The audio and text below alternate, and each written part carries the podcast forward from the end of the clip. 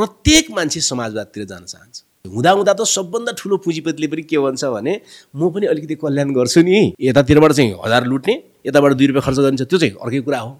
तर ऊ पनि भन्न के बाध्य छ त भने मानिसको कल्याण त हुनुपर्छ भन्न बाध्य छ। भनेपछि अनि किन समाजवादमा जान सक्दैनौँ हामी रोक्ने यहाँ राज्य हो। शोषक वर्गको राज्यले रोकिरहेको छ। ल तपाईँलाई भन्नुहोस् नेपालमा स्व- स्वास्थ्य चाहिँ निजी गर्न सामुदायिक गर्न किन रोक कसले रोक्ने भन्नु त? नेपालमा शिक्षा निशुल्क गर्न कसले रोक्ने भन्नु समस्याको विषय नै छैन नि। यसमा चाहिँ प्रब्लम के आउने रहेछ भनेपछि इफ मान्छेसँग रिसोर्सेस छ भने क्वालिटीको कन्टेक्समा कुरा गर्दाखेरि स्टिल प्राइभेट नै प्रिफर गर्छ किनभने प्राइभेटमा इन्सेन्टिभ इन्सेन्टिभाइजेसन भन्ने एउटा प्रोसेस छ। म पनि चाहन्छु पब्लिक स्कुल्स होस् पब्लिक मेडिकल फेसिलिटिज होस् त्यसलाई कसरी बेटर गर्न सकिन्छ त्यो क्वालिटीलाई हस्पिटलको कुरा नगरौँ हस्पिटल चाहिँ प्रविधिसँग सम्बन्धित सम्बन्धित छ। म स्कुलको कुरा गर्छु। निजी कलेज हुने बित्तिकै शिक्षाको स्तर राम्रो भन्ने तर्क चाहिँ त्यसको परिणामबाट पुष्टि भएको छैन नेपालमा।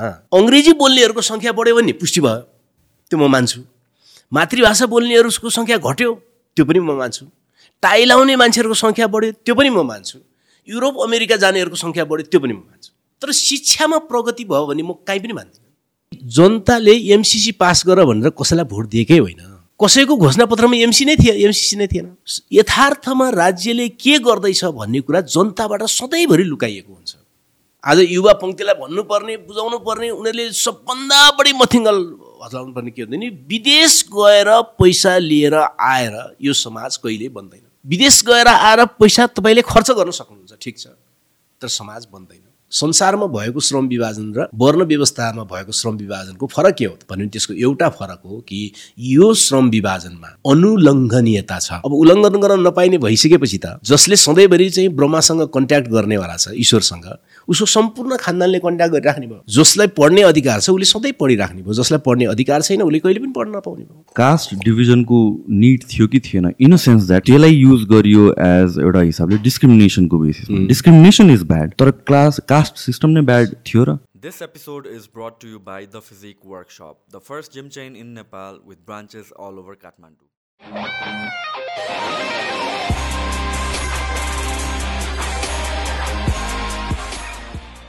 सोसाइटीको क्लास र कास्टको कुराहरू गर्दाखेरि होइन किनभने यो मोस्ट तपाईँको कन्भर्सेसनमा एकदमै आइराख्ने टपिक हो। त्यसलाई तपाईँले कसरी हेर्नुपर्छ? हेर्नुहुन्छ। आई लाइक इज इट एउटा वान पोइन्टमा नेसेसरी थियो कि? र अहिले आएर एउटा डिस्क्रिमिनेटरी एउटा क्लास डिभिजनको हिसाबले भएको हो कि? कि सुरुदेखि नै त्यो जरुरी थिएन जस्तो लाग्थ्यो? कास्टको कुरा? Class caste in general classification आवश्यकता त आवश्यकता नभई त कुनै चिजको जन्म हुँदैन। हजुर। होइन? आवश्यकता त त्यो हो। तर आवश्यकता निरपेक्ष हुँदैन। कसको आवश्यकता भन्ने हुन्छ। होइन? अब क्लास जन्मिनु कसको आवश्यकता भन्यो भने त्यति बेलाको सबभन्दा माथि परेका आर्थिक रूपमा राजनैतिक रूपमा माथि परेका मानिसहरूको आवश्यकताले जन्माएको हो। होइन? त्यस कारणले त्यो चाहिँ छोटो भाषामा भन्दाखेरि चाहिँ त्यति बेलाको शोषक वर्गलाई त्यो आवश्यक भयो।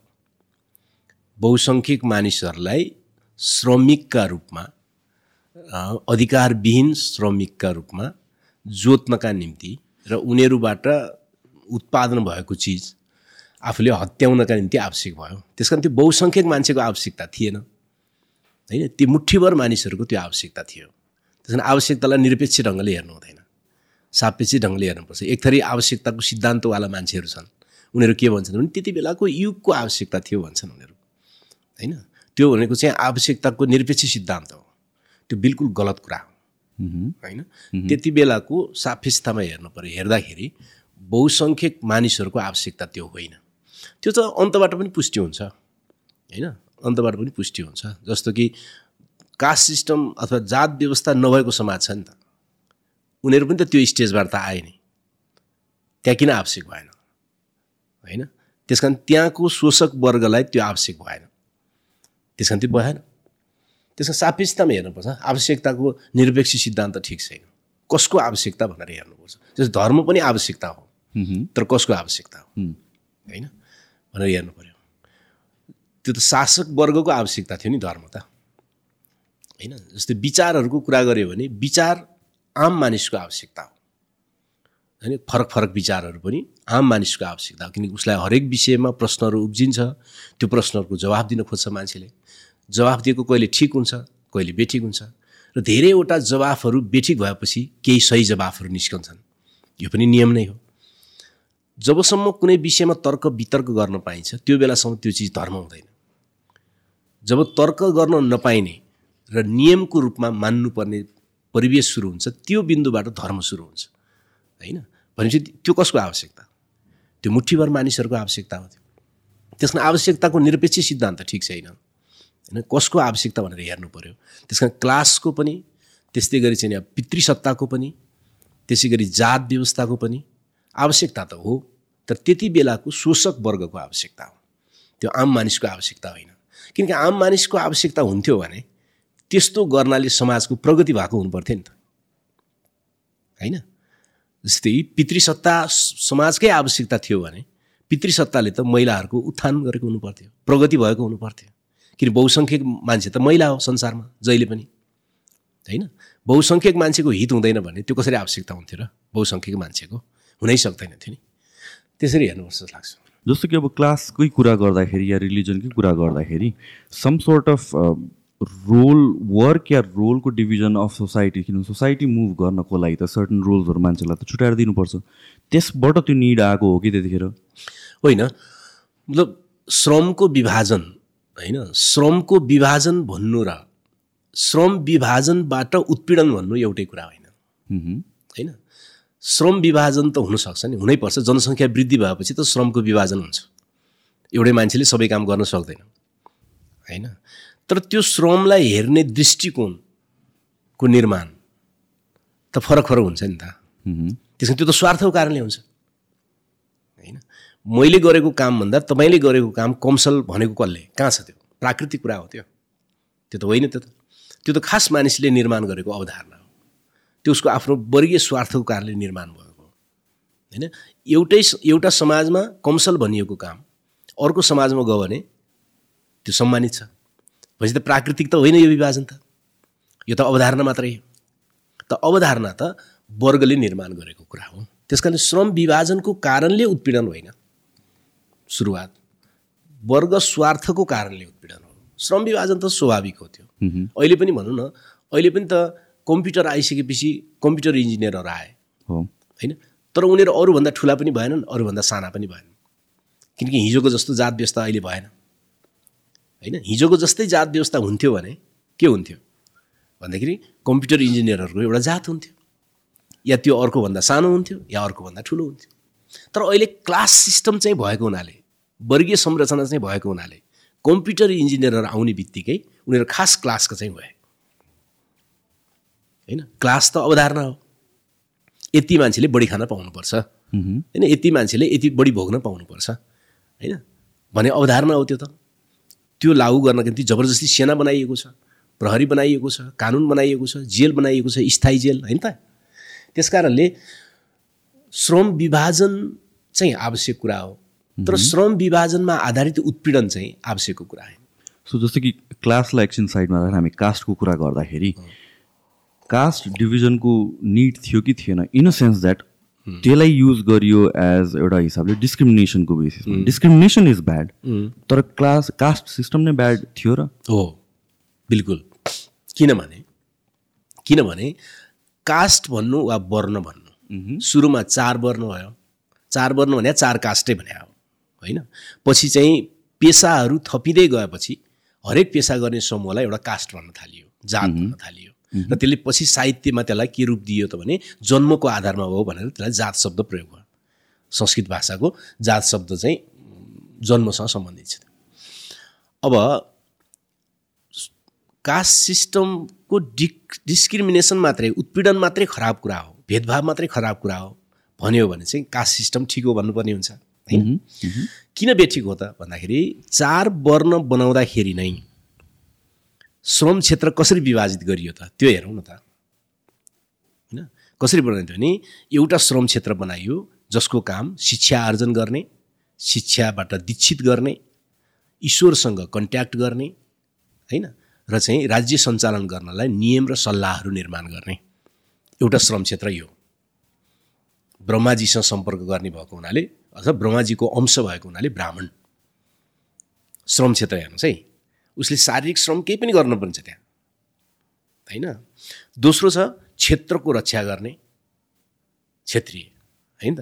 पछि युद्धमा भाग लिने युग युद्धको कमान्ड गर्ने। युद्धमा त सबैले भाग लिइहाल्थ्यो युद्धमा कमान्ड सेनापति बन्न पाउने सेना सैनिक अफिसर बन्न पाउने राजस्व उठाएर खान पाउने होइन? श्रम गर्न नपर्ने। किन त्यति बेलाको श्रम भनेको असाध्य कठिन थियो। कृषि युगको कुरा थियो होइन? असाध्य श्रम कठिन थियो। व्यापार कठिन थियो। अहिले पो व्यापार चाहिँ राज्य चलाउने कुरा भयो त होइन? त्यति बेलाको व्यापार त सेवा थियो। पशुपालन त्यतिकै कठिन थियो होइन? हो त्यो सबै श्रमबाट कटेर चाहिँ राज गर्न पाउने श्रम मात्रै आफूले लियो। त्यो आफैमा विभेद थियो नि। होइन? त्यसपछि अर्को क्षेत्र आयो कृषिको व्यवस्थापन पशुपालन र व्यापार। त्यो सबै कठिन काम हो त्यति बेलाको। पशुपालन पनि कठिन काम हो कृषिको व्यवस्थापन पनि कठिन काम हो। किन शूद्रहरूले उत्पादन गर्थ्यो?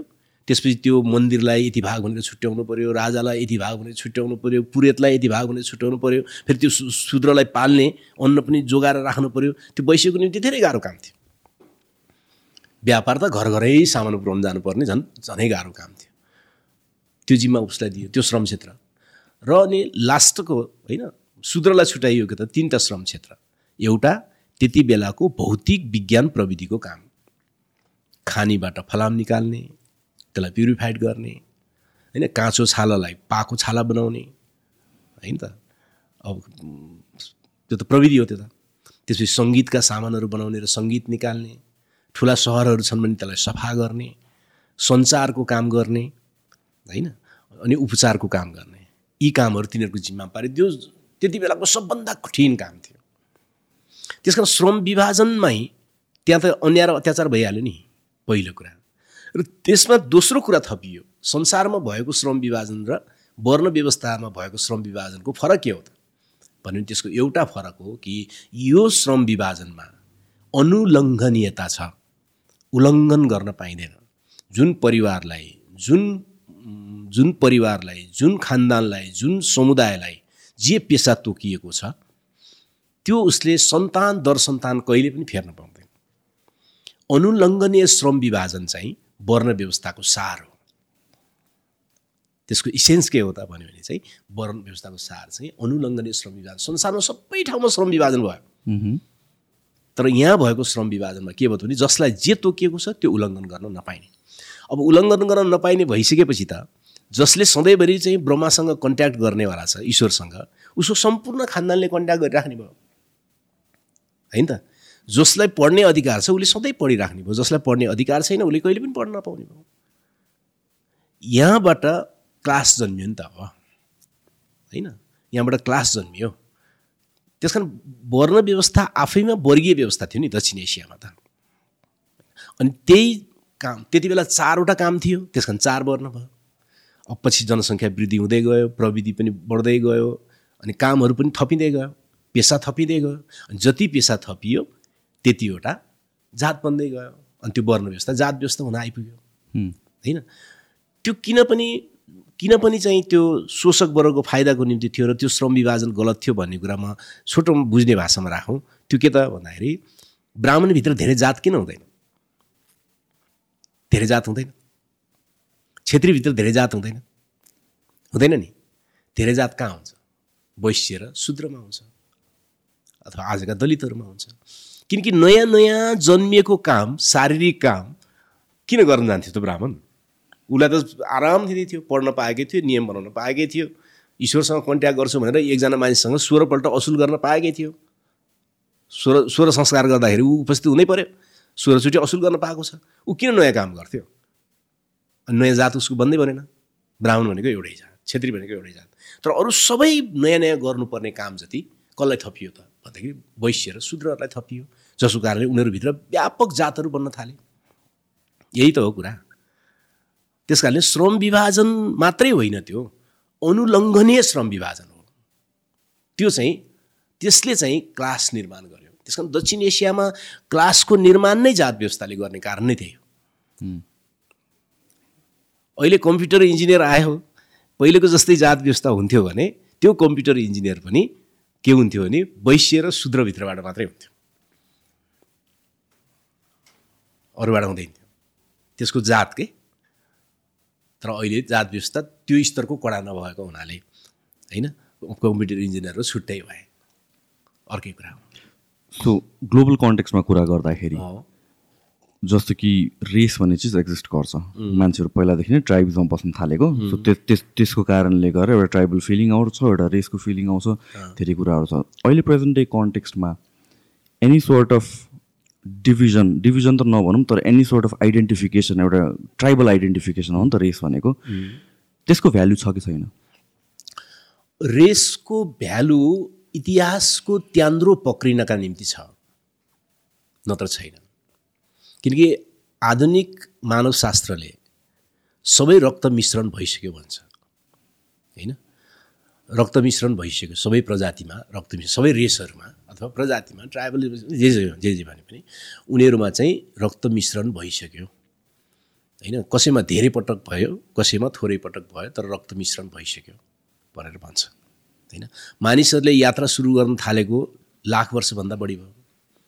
होइन दक्षिण एसियाकै सिन्धु घाटीको कुरा गर्ने हो भने दस हजार वर्ष अगाडि नै त्यहाँ खेतीपाती सुरु भइसक्यो। होइन र? भनिसकेपछि त मान्छे त धेरै वर्ष भयो यात्रा गरेको। त्यो यात्राको क्रममा उनीहरूको जेनेटिक्स अध्ययन गर्ने हो भने गरेर ल्याटेस्ट हेर्दाखेरि चिनमा पनि भेटिएको छ अन्त पनि भेटिएको छ। उनीहरूमा वंशको निरन्तरता छ तर वंशीय शुद्धता छैन।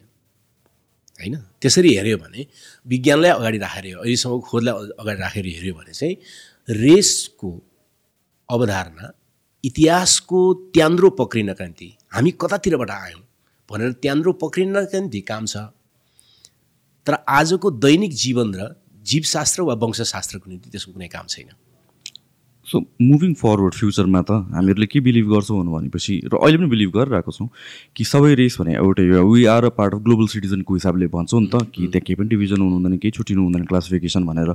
तर प्र्याक्टिक्यालिटीमा अहिले नट इन द फ्युचर तर अहिले कतिको पोसिबल छ किन भन्छ यो जुन ट्राइब या रेसहरूको कुरा आउँछ यो त नट जस्ट डिएनएको कुरा मात्र आएन यहाँतिर त कल्चरको कुरा आउने भयो। यहाँतिर त रिलिजनको बिलिफको धेरै कुराहरू आउने भयो नि त।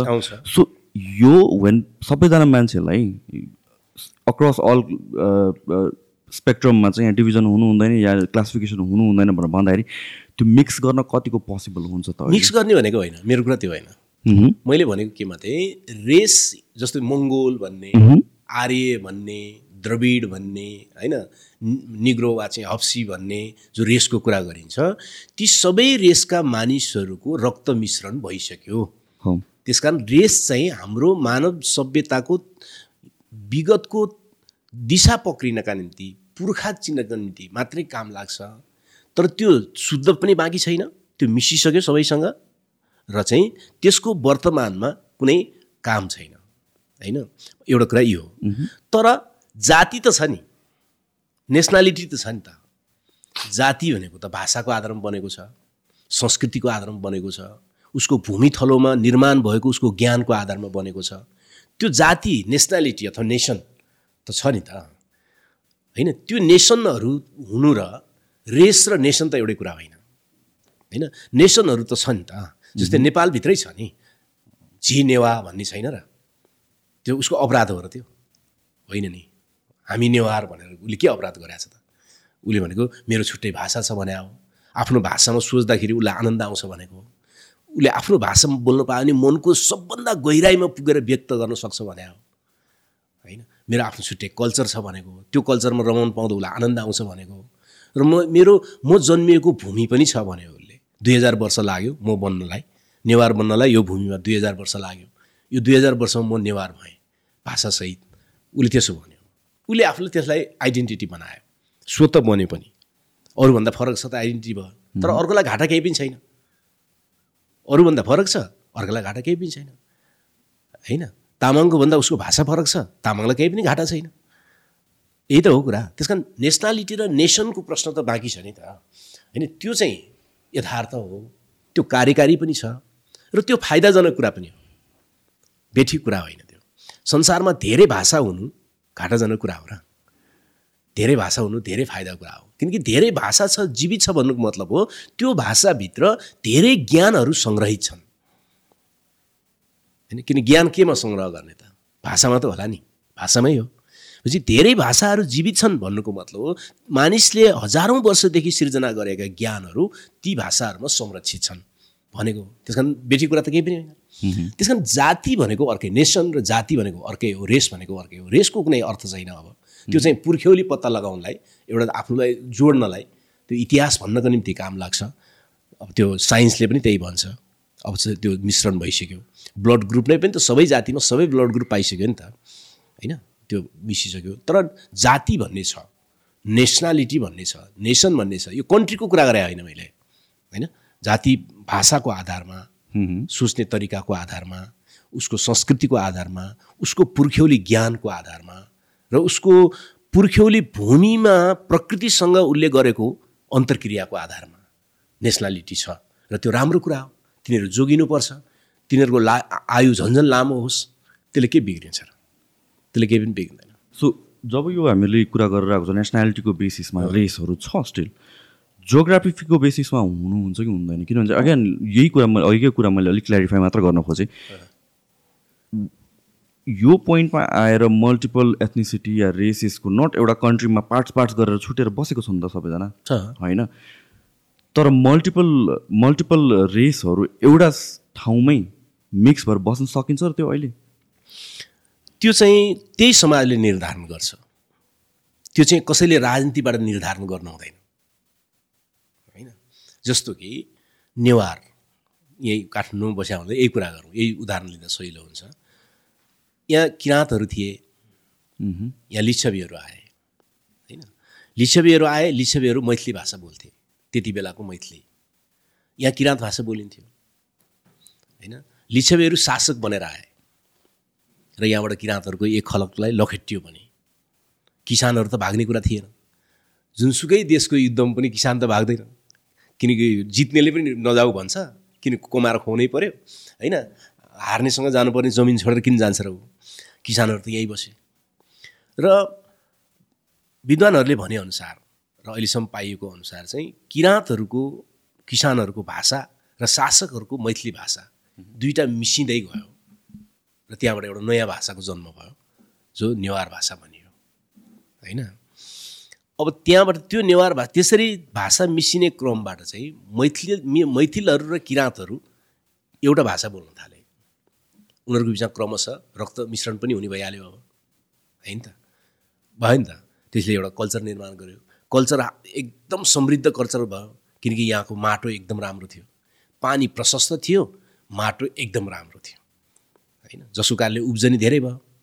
उब्जनी बेसरी हुने भएको हुनाले खाने कल्चर पनि बेसरी आयो। होइन बेसरी खान पायो बेसरी नाच्न पायो खान पायो। त्यस कारणले नाच्ने कल्चर पनि उन्नत भयो। उसले बाजा पनि पूर्व पश्चिम सबतिरबाट खोजेर ल्याएर बजाउन थाल्यो। यो भूमि राम्रो थियो त्यस कारण पटक पटक फरक फरक प्रजातिका मान्छेहरू यहाँ ओहिरिन थाले।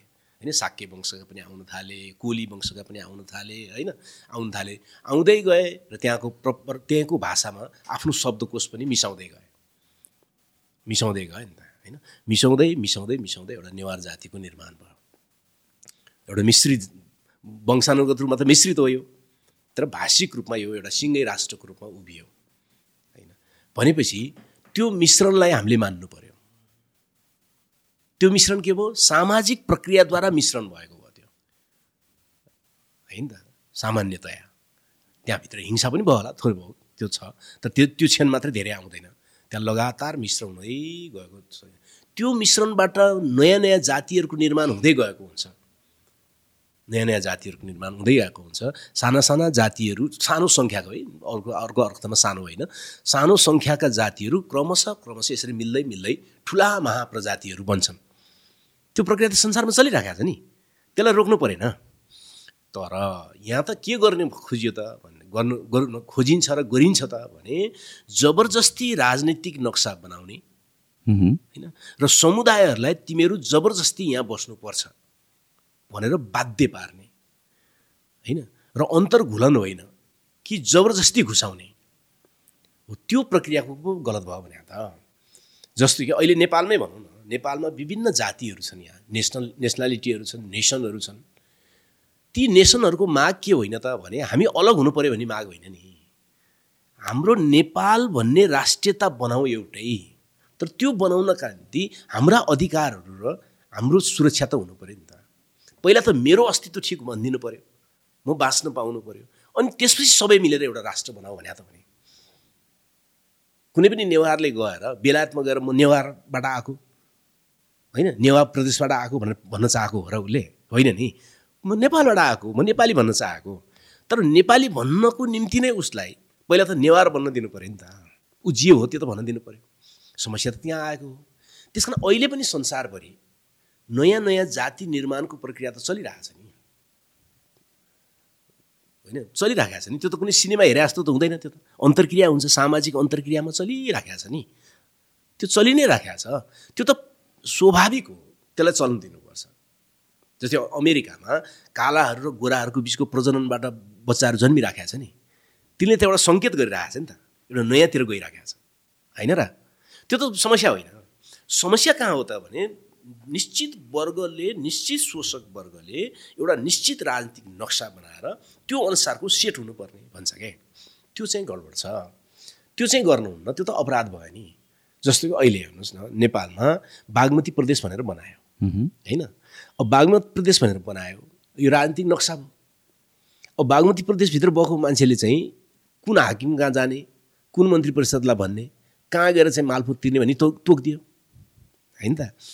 अब दुई हजार वर्ष लाएर बनेको नेवार जाति छ जसको मुख्य थलो यही हो। होइन? दुई हजार वर्षभन्दा बढी लागेर बनेको एउटा तामाङ जाति छ।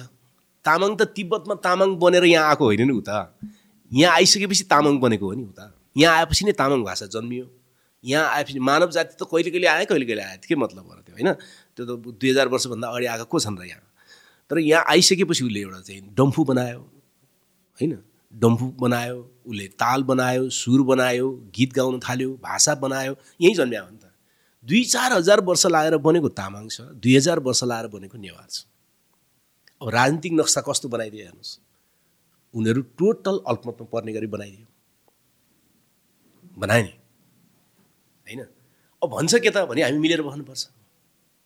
अब यो तरिकाले मिलेर बसेपछि के हुन्छ? तामाङ जाति सिद्धिन्छ। तामाङ भाषा सिद्धिन्छ। नेवार भाषा सिद्धिन्छ। हो यो चाहिँ भर गर्नु भएन भनेको हो। यो चाहिँ गर्नु भएन नि त। दुई हजार वर्ष लाएर बनेको भाषा छ त्यसले त्यहाँ कति ज्ञान सञ्चय गरेर राखेको छ त्यसलाई जोगाउने हो भने त कर्णालीलाई पनि फाइदा हुन्थ्यो नि त भोलि। अहिले छोइला कचिला त सबैलाई मन पर्न थाल्यो होइन र। नेवारले जोगाएर राखिदिएर मन पर्यो होला नि त। सरल कुरा गरेको। कर्णालीलाई पनि फाइदा हुन्छ नि। अनि कर्णालीलाई पनि जोगाउन सक्यो भने कर्णालीमा खोज गरेको कुरा यहाँ पनि फाइदा हुन्छ नि। अब यहाँ त के भयो त भने हाकाहाकी राजनीतिक नक्सा बनाएर तामाङलाई पनि अल्पमतमा पारिदियो नेवारलाई पनि अल्पमतमा पारिदियो। नाङ्गै देखिने गरी। उसको भनेकै यही हो ठाउँ। अन्त कहीँ छैन। वीरगन्जमा गएर नेवारले त अधिकार पाउँदैन नि। त्यहाँ त व्यापारको गर्न पाउँछ उसले? होइन एकजना चुनिएला पनि। तर उसले यो यो भूमिको जस्तो माया पनि लाग्दैन उसलाई। सुगन्धै आउँदैन उसलाई। यहीँ आउने हो। यही ठाउँमा उसलाई अल्पमत पारेपछि अनि उसको हुन्छ प्रगति कसरी? हुँदैन नि त। समस्या यहाँनिर हो। त्यसमा स्वाभाविक रूपमा यहाँ बसोबास चल्ने स्वाभाविक रूपमा चाहिँ मान्छेहरू बाहिरबाट आउने यहाँबाट बाहिर जाने होइन? वीरगन्जमा गएका कैयौँ नेवारहरूले मधेसीहरूसँग बिहे गर्छन् यहाँ आएका मधेसीहरूले नेवारसँग बिहे गर्लान्। त्यसबाट नयाँ नयाँ चिज बन्दै जान्छ त्यो स्वाभाविक प्रक्रिया हो नि। कायस्थहरू थुप्रै नेवार छन् नि। मधेसबाटै आएको त हो। थरै कायस्थ बाँकी छ होइन? उनीहरूलाई कसैले के गरेछ र? कुनै नेवारलाई रिस उठ्याएको छ र त्यसो भएर? यो त रिस उठ्दैन नि कसैलाई पनि रिस उठ्दैन। सामाजिक प्रक्रियाबाट बन्ने कुरा बिना राज्यको हस्तक्षेपबाट बन्ने कुरा त स्वाभाविक भइहाल्यो नि। त्यसो हुँदै हुँदै हामी यहाँसम्म आइपुग्यौँ होइन? तर यहाँ त राजनीतिक रूपमा योजनाबद्ध बनाएर कानुन बनाएर संविधान बनाएर राजनीतिक नक्सा कोरेर पुलिस लगाएर सेना लगाएर अदालत लगाएर तँ यतिमा सीमित हुनुपर्छ तँ यहाँ बस्नुपर्छ तँ अल्पमतमै बस्नुपर्छ हाम्रो भाषा मान्नै पर्छ भनेपछि त त्यसलाई सिद्धाइदिने कुरा हुन्छ नि त। हो त्यसरी मिलेर बस्ने भने चाहिँ मिल्दैन। त्यो चाहिँ होइन कुरा। होइन? हस्तक्षेप नगर्ने हो भने बेलायतीहरूसँगै हामी बस्छौँ नि। होइन? अमेरिकनसँग हामीलाई के रिस उठ्याएको छ र? केही पनि छैन। तर क्ल्यास अफ कल्चर हुँदैन होला त्यस्तो बेलामा र त्यस्तो त्यो बेलामा सोसाइटीलाई एउटा भनौँ न एउटा एथिकल वेमा सिभिल वेमा राख्नको लागि त्यतिखेर लिगल इन्फ्रास्ट्रक्चरहरू चाहिँदैन होला। त्यो त यस्तो भयो। त्यो तपाईँले गरेको अघिको प्रश्न र यो अलिक फरक भयो। हो फरक नै हो। फरक नै हो। जबसम्म क्लास रहिरहन्छ त्यहाँ स्टेट रहिरहन्छ राज्य रहिरहन्छ। होइन? तपाईँको यो प्रश्न चाहिँ त्यहाँ छ। हो। होइन? क्लासको अन्त्य नभएसम्म होइन? राज्यको अन्त्य हुँदैन। क्लासको अन्त गर्नका निम्ति समुदाय एउटै वर्गको हुनुपर्छ। होइन? एउटै वर्गको भयो भने एउटै स्वार्थ हुन्छ। एउटै स्वार्थ भइसकेपछि त्यहाँ दमन गर्नु पर्दैन। होइन? त्यसपछि बिल्कुल सामाजिक जीवन सुरु हुन्छ र समुदायहरूले बनाएको संयन्त्रहरूले सबै चिजको ब्यालेन्स गर्न सक्छ। होइन? अहिले त क्लास छ नि। क्लास भएको समाजमा त स्टेट त हुन्छ हुन्छ नि। होइन? न त दमन नगरी हुँदै हुँदैन। सो क्लास भएन भने चाहिँ स्टेटको जरुरी छैन? छैन। बिल्कुल छैन नि। केलाई जरुरी छ र? केलाई जरुरी छ त? भनौँ न। जरुरी नै छैन नि। जस्तो कि तपाईँ अन्डा अन्डमान निकोबारमा जानु न अहिले पनि। स्टेट कहाँ छ त? होइन? भारत सरकारले त आफैले मेरो हो भनेर बस्या मात्रै हो। त्यहाँ बस्ने आदिवासीलाई त्यो भारत सरकारको मतलब छैन। छ र? छैन नि। त्यहाँ स्टेट छ त। छैन नि। त्यहाँ उनीहरूले सामुदायिक मुखिया बनाएका छन्। होइन त्यो मुखियाको आधारमा आदिवासीहरू चल्छन्। स्टेट किन चाहियो सो त्यो सानो कम्युनिटी भएर हो कतिको पप मैले त अवेर छुइनँ कतिको पपुलेसन छ होला त्यहाँ बढीमा तिन चार सय। सो सानो कम्युनिटी भएको बेलामा स्टेट र ल नचाहिने भएको हो कि लार्जर। अमाउन्ट अफ पिपलको लागि पनि कन्ट्रोल गर्न सकिन्छ? बिल्कुल होइन। आजभन्दा आजभन्दा चाहिँ दुई तिन सय वर्ष अगाडि मात्रै पनि नेपालमा थुप्रै सोसाइटीहरू त्यस्तो थियो होइन? जहाँ कहाँ स्टेट थियो त? थिएन नि होइन? मतलब स्टेट आएको भनेको त संसारको पुरानो इतिहास हेऱ्यो भने पनि लुइस मोर्गनसम्म गएर अध्ययन गऱ्यो भने पनि उनको एन्सियन्ट सोसाइटी पुस्तक त हो नि। अहिले आएका नयाँ नयाँ पुस्तक हो। खोजकै कुरा गर्दा त परिवारको अध्ययन र स्टेटको अध्ययनमा त लुइस मोर्गन नै आउँछन्। होइन? लुइस मोर्गनको एन्सियन्ट सोसाइटीमा गएर प्रवेश गर्दा पनि त्योभन्दा नवीन खोज कसैले ल्याएको छैन। त्यसैलाई बान्की पारी पारी नयाँ नयाँ खोज त ल्याएको छ मैले पाएसम्म त्योभन्दा नवीन खोज त छैन। उनकै अध्ययनमा जाने हो भने पनि स्टेटभन्दा पनि पहिले निजी स्वामित्व होइन? निजी पैसा निजी सम्पत्ति जन्मिएकै आठ हजार वर्ष भयो। स्टेट त पुरै नगरौँ न। निजी सम्पत्ति जन्मिएपछि त्यो सम्पत्तिको रक्षा गर्नु पऱ्यो अनि निजी सम्पत्तिको रक्षा गर्ने खलकहरूले त्यो रक्षा गर्नका निम्ति। त बहुसङ्ख्यक सङ्ख्या कम थियो। त्यसलाई त तलाउनु पऱ्यो त्यसपछि बल जन्माएको सशस्त्र बल होइन अस्त्र बल जन्मायो। अनि दमन गर्न थाल्यो। दमन गरेपछि स्टेट भनेको दमनकारी यन्त्र त हो सरल भाषामा भन्दा। होइन दमन गर्ने हो। अनि त्यही निजी सम्पत्तिको रक्षाको निम्ति राज्य जन्मेको हो। अनि त्यो राज्यलाई चाहिँ पवित्र बनाउनका निम्ति धर्मशास्त्र जन्मेका हुन्। पवित्र जो चिज आफै पवित्र छ त्यसले म पवित्र छु भनेर कहिले पनि भन्दैन नि। होइन? जो छैन उसलाई नै गाँस भन्नुपर्छ पवित्र होइन? त्यस कारणले आठ हजार वर्षभन्दा अगाडि त यो केही चिजै थिएन। होइन अहिले पनि अफ्रिकामा ल्याटिन अमेरिकामा थुप्रै आदिवासीहरू छन् जहाँ स्टेटै छैन। बाहिर बसेका स्टेटहरूले आफूभित्र राखेर बसेका छन् तर उनीहरूभित्र कहाँ स्टेट छ? छैन नि होइन? अनि तपाईँ अरू पनि अध्ययन गर्न सक्नुहुन्छ। जहाँ जहाँ सम्पत्तिको उत्पादन कम थियो त्यहाँ त्यहाँ राज्य पनि कमजोर थिए नि। त्यसलाई याद गर्नुहुन्छ नि होइन? काठमाडौँमा राज्य जहिले पनि झगडा भइरहन्थ्यो। किनभने बेसरी उत्पादन थियो। है? तर तपाईँ पूर्वमा चाहिँ लिम्बुवानका चाहिँ साना साना टुक्रा टुक्रा किपटहरूमा हेर्नु भने नियमित सेना थियो त कहाँबाट? ऊ आम्दानी हुनु पऱ्यो नि खुवाउनलाई। होइन? आम्दानी हुनु पऱ्यो नि त खुवाउनलाई। अन्य हुन्थ्यो स्टेट। त्यस त्यहाँ सामुदायिक खालको स्टेट थियो। चाहिएको बेलामा बोलाउने नचाहेपछि घर पठाउने खालको। होइन? त्यस कारणले गर्दाखेरि राज्य राज्य जन्मिएको भनेको त स्वाभाविक रूपमा वर्गकै कारणले त हो नि। वर्ग निजी सम्पत्तिको कारणले हो। होइन? तपाईँले निजी सम्पत्तिलाई उन्मूलन गरिदिनुहुन्छ भने सबै सम्पत्ति समुदायको हातमा लानुहुन्छ भने त्यो राज्य किन चाहिन्छ? सो समुदायमा पनि त एउटा सम सोर्ट अफ रेगुलेसन्स त चाहिन्छ होला रेगुलेटरी बडिज त चाहिन्छ होला। स्पेसली पपुलेसन ठुलो भएपछिको कुराहरू चाहिँ मैले घुमाइ घुमाइ घुमाइकन मैले फेरि पपुलेसनकै कन्टेक्समा ल्याइरहेको। पपुलेसनकै कुरा गरेको? किनभने यो जुन आठ हजार वर्षको हामीले कुरा गऱ्यौँ नि त त्यो आठ हजार वर्षमा त पपुलेसन त म्यासिभ वेमा इन्क्रिज भएको छ। र इच अफ द सोसाइटी या या एउटा जोग्राफिकल एरिया भनौँ त्यहाँतिर त पपुलेसन बढेको छ। हाम्रो हेर्ने दृष्टिकोण कस्तो भयो भने युरोप युरोपले अथवा विशेष त उपनिवेशवादले जुन खालको हेर्ने एउटा दृष्टिकोण निर्माण गरिदिएको छ होइन? त्यो दृष्टिकोण हामी सबैतिर लागु गरेर हेर्ने भएको छौँ हामी सबै होइन? जस्तो कि थोरै रुख भएको ठाउँमा अक्सिजन बढी उत्पादन हुन्छ कि सिङ्गै जङ्गल भएको ठाउँमा हुन्छ? भने सिङ्गै जङ्गल भएको ठाउँ हुन्छ है त होइन? त्यस कारण थोरै मान्छे भएको ठाउँमा लोकतन्त्र बढी हुन्छ कि धेरै मान्छे भयो भने हुन्छ? वास्तवमा धेरै मान्छे भयो भने हुन्छ। किन धेरै मान्छे भयो भने धेरै सोच्ने दिमागहरू हुन्छ। होइन? धेरै आइडियाहरू आउँछ। आज साइन्स एन्ड टेक्नोलोजीमा यत्रो विकास भएको कारण जनसङ्ख्या बढेर पनि त हो नि। हो। होइन? हो। हो नि त। भनेपछि जनसङ्ख्या बढेर साइन्स एन्ड टेक्नोलोजीमा विकास हुन्छ भने तपाईँको मानव शास्त्रमा चाहिँ विकास हुँदैन। मानवतामा चाहिँ विकास हुँदैन। हुन्छ नि? त्यस कारण उपनिवेशवादले हामीलाई के सिकाइदियो भन्दाखेरि चाहिँ मान्छेलाई नकारात्मक रूपमा हेर्न सिकाइदियो क्या। मान्छेले सकेसम्म खराब गर्छ। अनि त्यसभित्रका केही महान मान्छे मात्रै असल गर्छन् भनेर सिकाइदियो। जबकि संसारको प्रत्येक मान्छे सामाजिक बन्न चाहन्छ। है दुःखबाट मुक्ति चाहन्छ। जोगी बन्ने पनि इमान्दार जोगीहरू दुःखबाट मुक्तिको निम्ति बनायो उनीहरूको बाटो खराब छ त्यो अर्कै कुरा हो। बाटो गलत छ अर्कै कुरा हो। होइन नर्क जाने बाटो पनि असल नियतले बनाइन्छ भने त होइन नियत उनीहरूको ठिक छ स्वर्गै जाने हो नियत। अब त्यो स्वर्गै छैन त्यो अर्कै कुरा भयो। होइन? कहाँ पुग्नु? त्यो त अर्कै विषय भयो। तर मैले भन्नु खोजेको चाहिँ प्रत्येक मान्छे सामाजिक बन्न चाहन्छ। प्रत्येक मान्छेले आफ्नो बच्चालाई माया गर्छ। होइन? स्वार्थ छैन भने सबैभन्दा बढी आफ्नो आमालाई माया गर्छ। गर्छ होइन त? प्रेमी प्रेमिकाको त कुरै छोडौँ। तिनीहरू त मर्दिनै तयार भइहाल्छन्। होइन? अनि ती मान्छेहरूलाई उनीहरू चाहिँ झगडा मात्रै गरेर बस्छन् भनेर सोचे। कस्तो सिकाएको उपनिवेशवादीले ल भन्नु होइन होइन डेफिनेटली नट यो यो कुरामा चाहिँ म अलिकता। तपाईँलाई म चाहिँ कसरी कुरा गर्छु भनेपछि ओभरअल कन्टेक्सको कुरा जस्तो कि सोसाइटीकै कुरा गर्दाखेरि पनि प्रब्लम यो होइन कि धेरैजना मान्छेहरू नेगेटिभ छ या नेगेटिभ इन्टेन्सन छ होइन।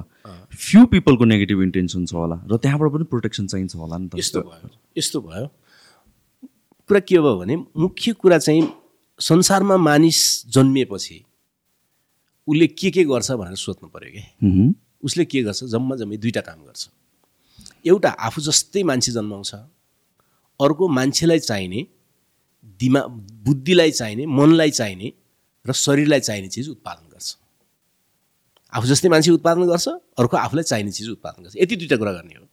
र मानिसका आवश्यकता जम्मा सातवटा छन्। पहिलो कुरा मान्छेलाई खानुपर्छ। दोस्रो कुरा मान्छेले चाहिँ बास बस्नु पाउनुपर्छ। त्य- त्यसपछि आउँछ वस्त्रको कुरा। त्यसपछि आउँछ शिक्षाको स्वास्थ्यको कुरा। त्यसपछि आउँछ शिक्षाको कुरा। अनि मनोरञ्जन। अनि विविध। विविध भनेको व्यवस्थापकीय। त्यसलाई व्यवस्थापन गर्नु। यी सात आवश्यकता छन्। संसारभरिको कुनै पनि मान्छेको। होइन?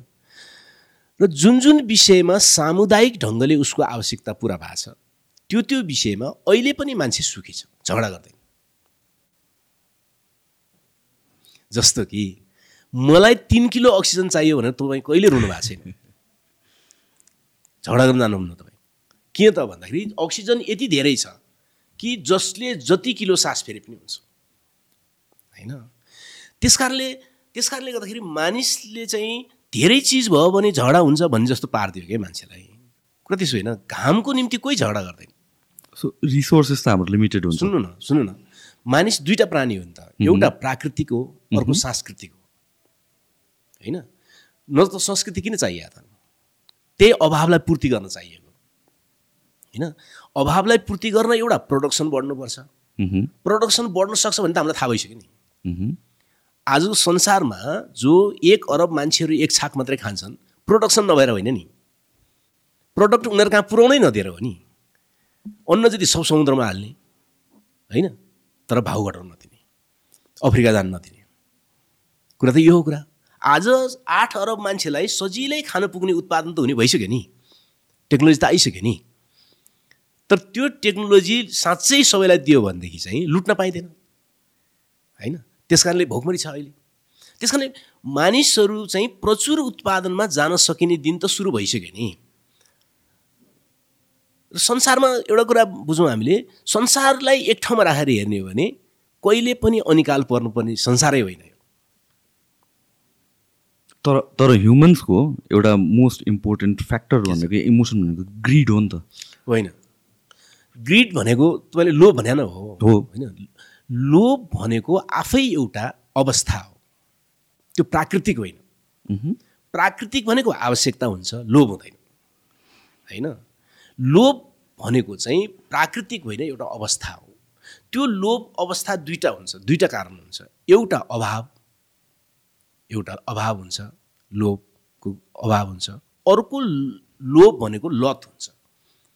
होइन त्यो क्लासले ल्याउँछ। होइन? त्यस कारणले अभावलाई मान्छेले कसरी पूर्ति गर्छ भने दुईवटा तरिकाले पूर्ति गर्छ। एउटा सांस्कृतिक रूपमा मानवताको कोणबाट पूर्ति गर्छ। अर्को औजार प्रयोग गरेर पूर्ति गर्छ। होइन? औजारले के गर्छ? प्रोडक्सनमा व्यापकता ल्याउँछ। संस् मानव मानवीय संस्कृतिले भाइचाराले के गर्छ? उसँग अपुग भएको कुरा आफूले अलिकति त्याग गर्छ। मानव जाति त्याग गर्दै गर्दै गर्दै गर्दै यहाँसम्म आइपुग्यो। मानव जातिले गर्दैन गर्छ नि। लोभ अर्को लतवाला लोभ छ। प्राकृतिक आवश्यकता लोभ होइन। अर्को लतवाला लोभ छ। त्यो लतवाला लोभ भने वर्गीय हो। मैले मात्रै खान पाऊँ। उसले भोगेपछि नै हुन्छ। त्यो चाहिँ बिल्कुल क्लासिकल क्लासमा आधारित छ वर्गमा आधारित छ। त्यो प्राकृतिक कुरा होइन त्यस कारणले गर्दाखेरि चाहिँ मान्छे स्वभावैले लोभी हुन्छ र उसको चाहना चाहिँ असीमित हुन्छ भन्ने जो अवधारणा छ यो हास्यास्पद कुरा हो। त्यो हुँदै होइन। मान्छेको चाहना असीमित पनि कहिले हुँदैन। मान्छेको जीवनै सीमित छ कसरी असीमित हुन्छ? त्यो असम्म कुरा हो। त्यो त पुँजीवादी अर्थशास्त्रीहरूले मालप्रति मान्छेको आकर्षण बढोस् भनेर ल्याएको अवधारणा हो। मान्छे आफै सीमित छ कसरी असीमित हुन्छ? के कुरा चाहिँ सत्य हो भने मानिसहरूको चाहनाहरू क्रमशः बढ्दै जान्छ। त्यो ठिक छ। एउटा पूर्ति भयो भने अझ त्योभन्दा अर्को पनि गर्न मन लाग्छ एउटा पूर्ति भयो भने अर्को पनि गर्न मन लाग्छ त्यो कुरा ठिक छ।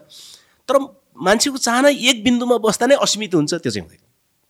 त्यस कारण लोभ भनेको पनि वर्गीय कुरा हो। प्राकृतिक रूपमा लोभ भनेको चाहिँ उसको आवश्यकता हो जो चाहिँ अभावले जन्म जन्म दिन्छ। अभाव त पूर्ति हुन सक्दो रहेछ नि त। पूर्ति गर्दै गर्दै आइपुग्यो नि मान्छे यहाँसम्म। होइन?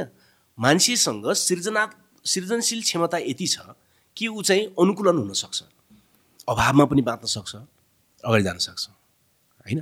अनिकाल आयो भन्ने कुरा पनि पृथ्वीभरि एकैचोटि अनिकाल कहिले नै आएन नि। आउँदै आउँदैन प्रकृतिको निर्माण नै त्यस्तो छैन।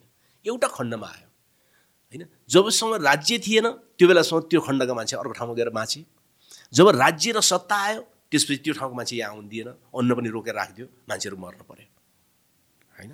त्यसमा अहिले पनि मानिसहरू धेरै भएर प्राकृतिक स्रोतले नधान्ने भयो भने त प्रकृतिले आफै नियन्त्रण गर्छ।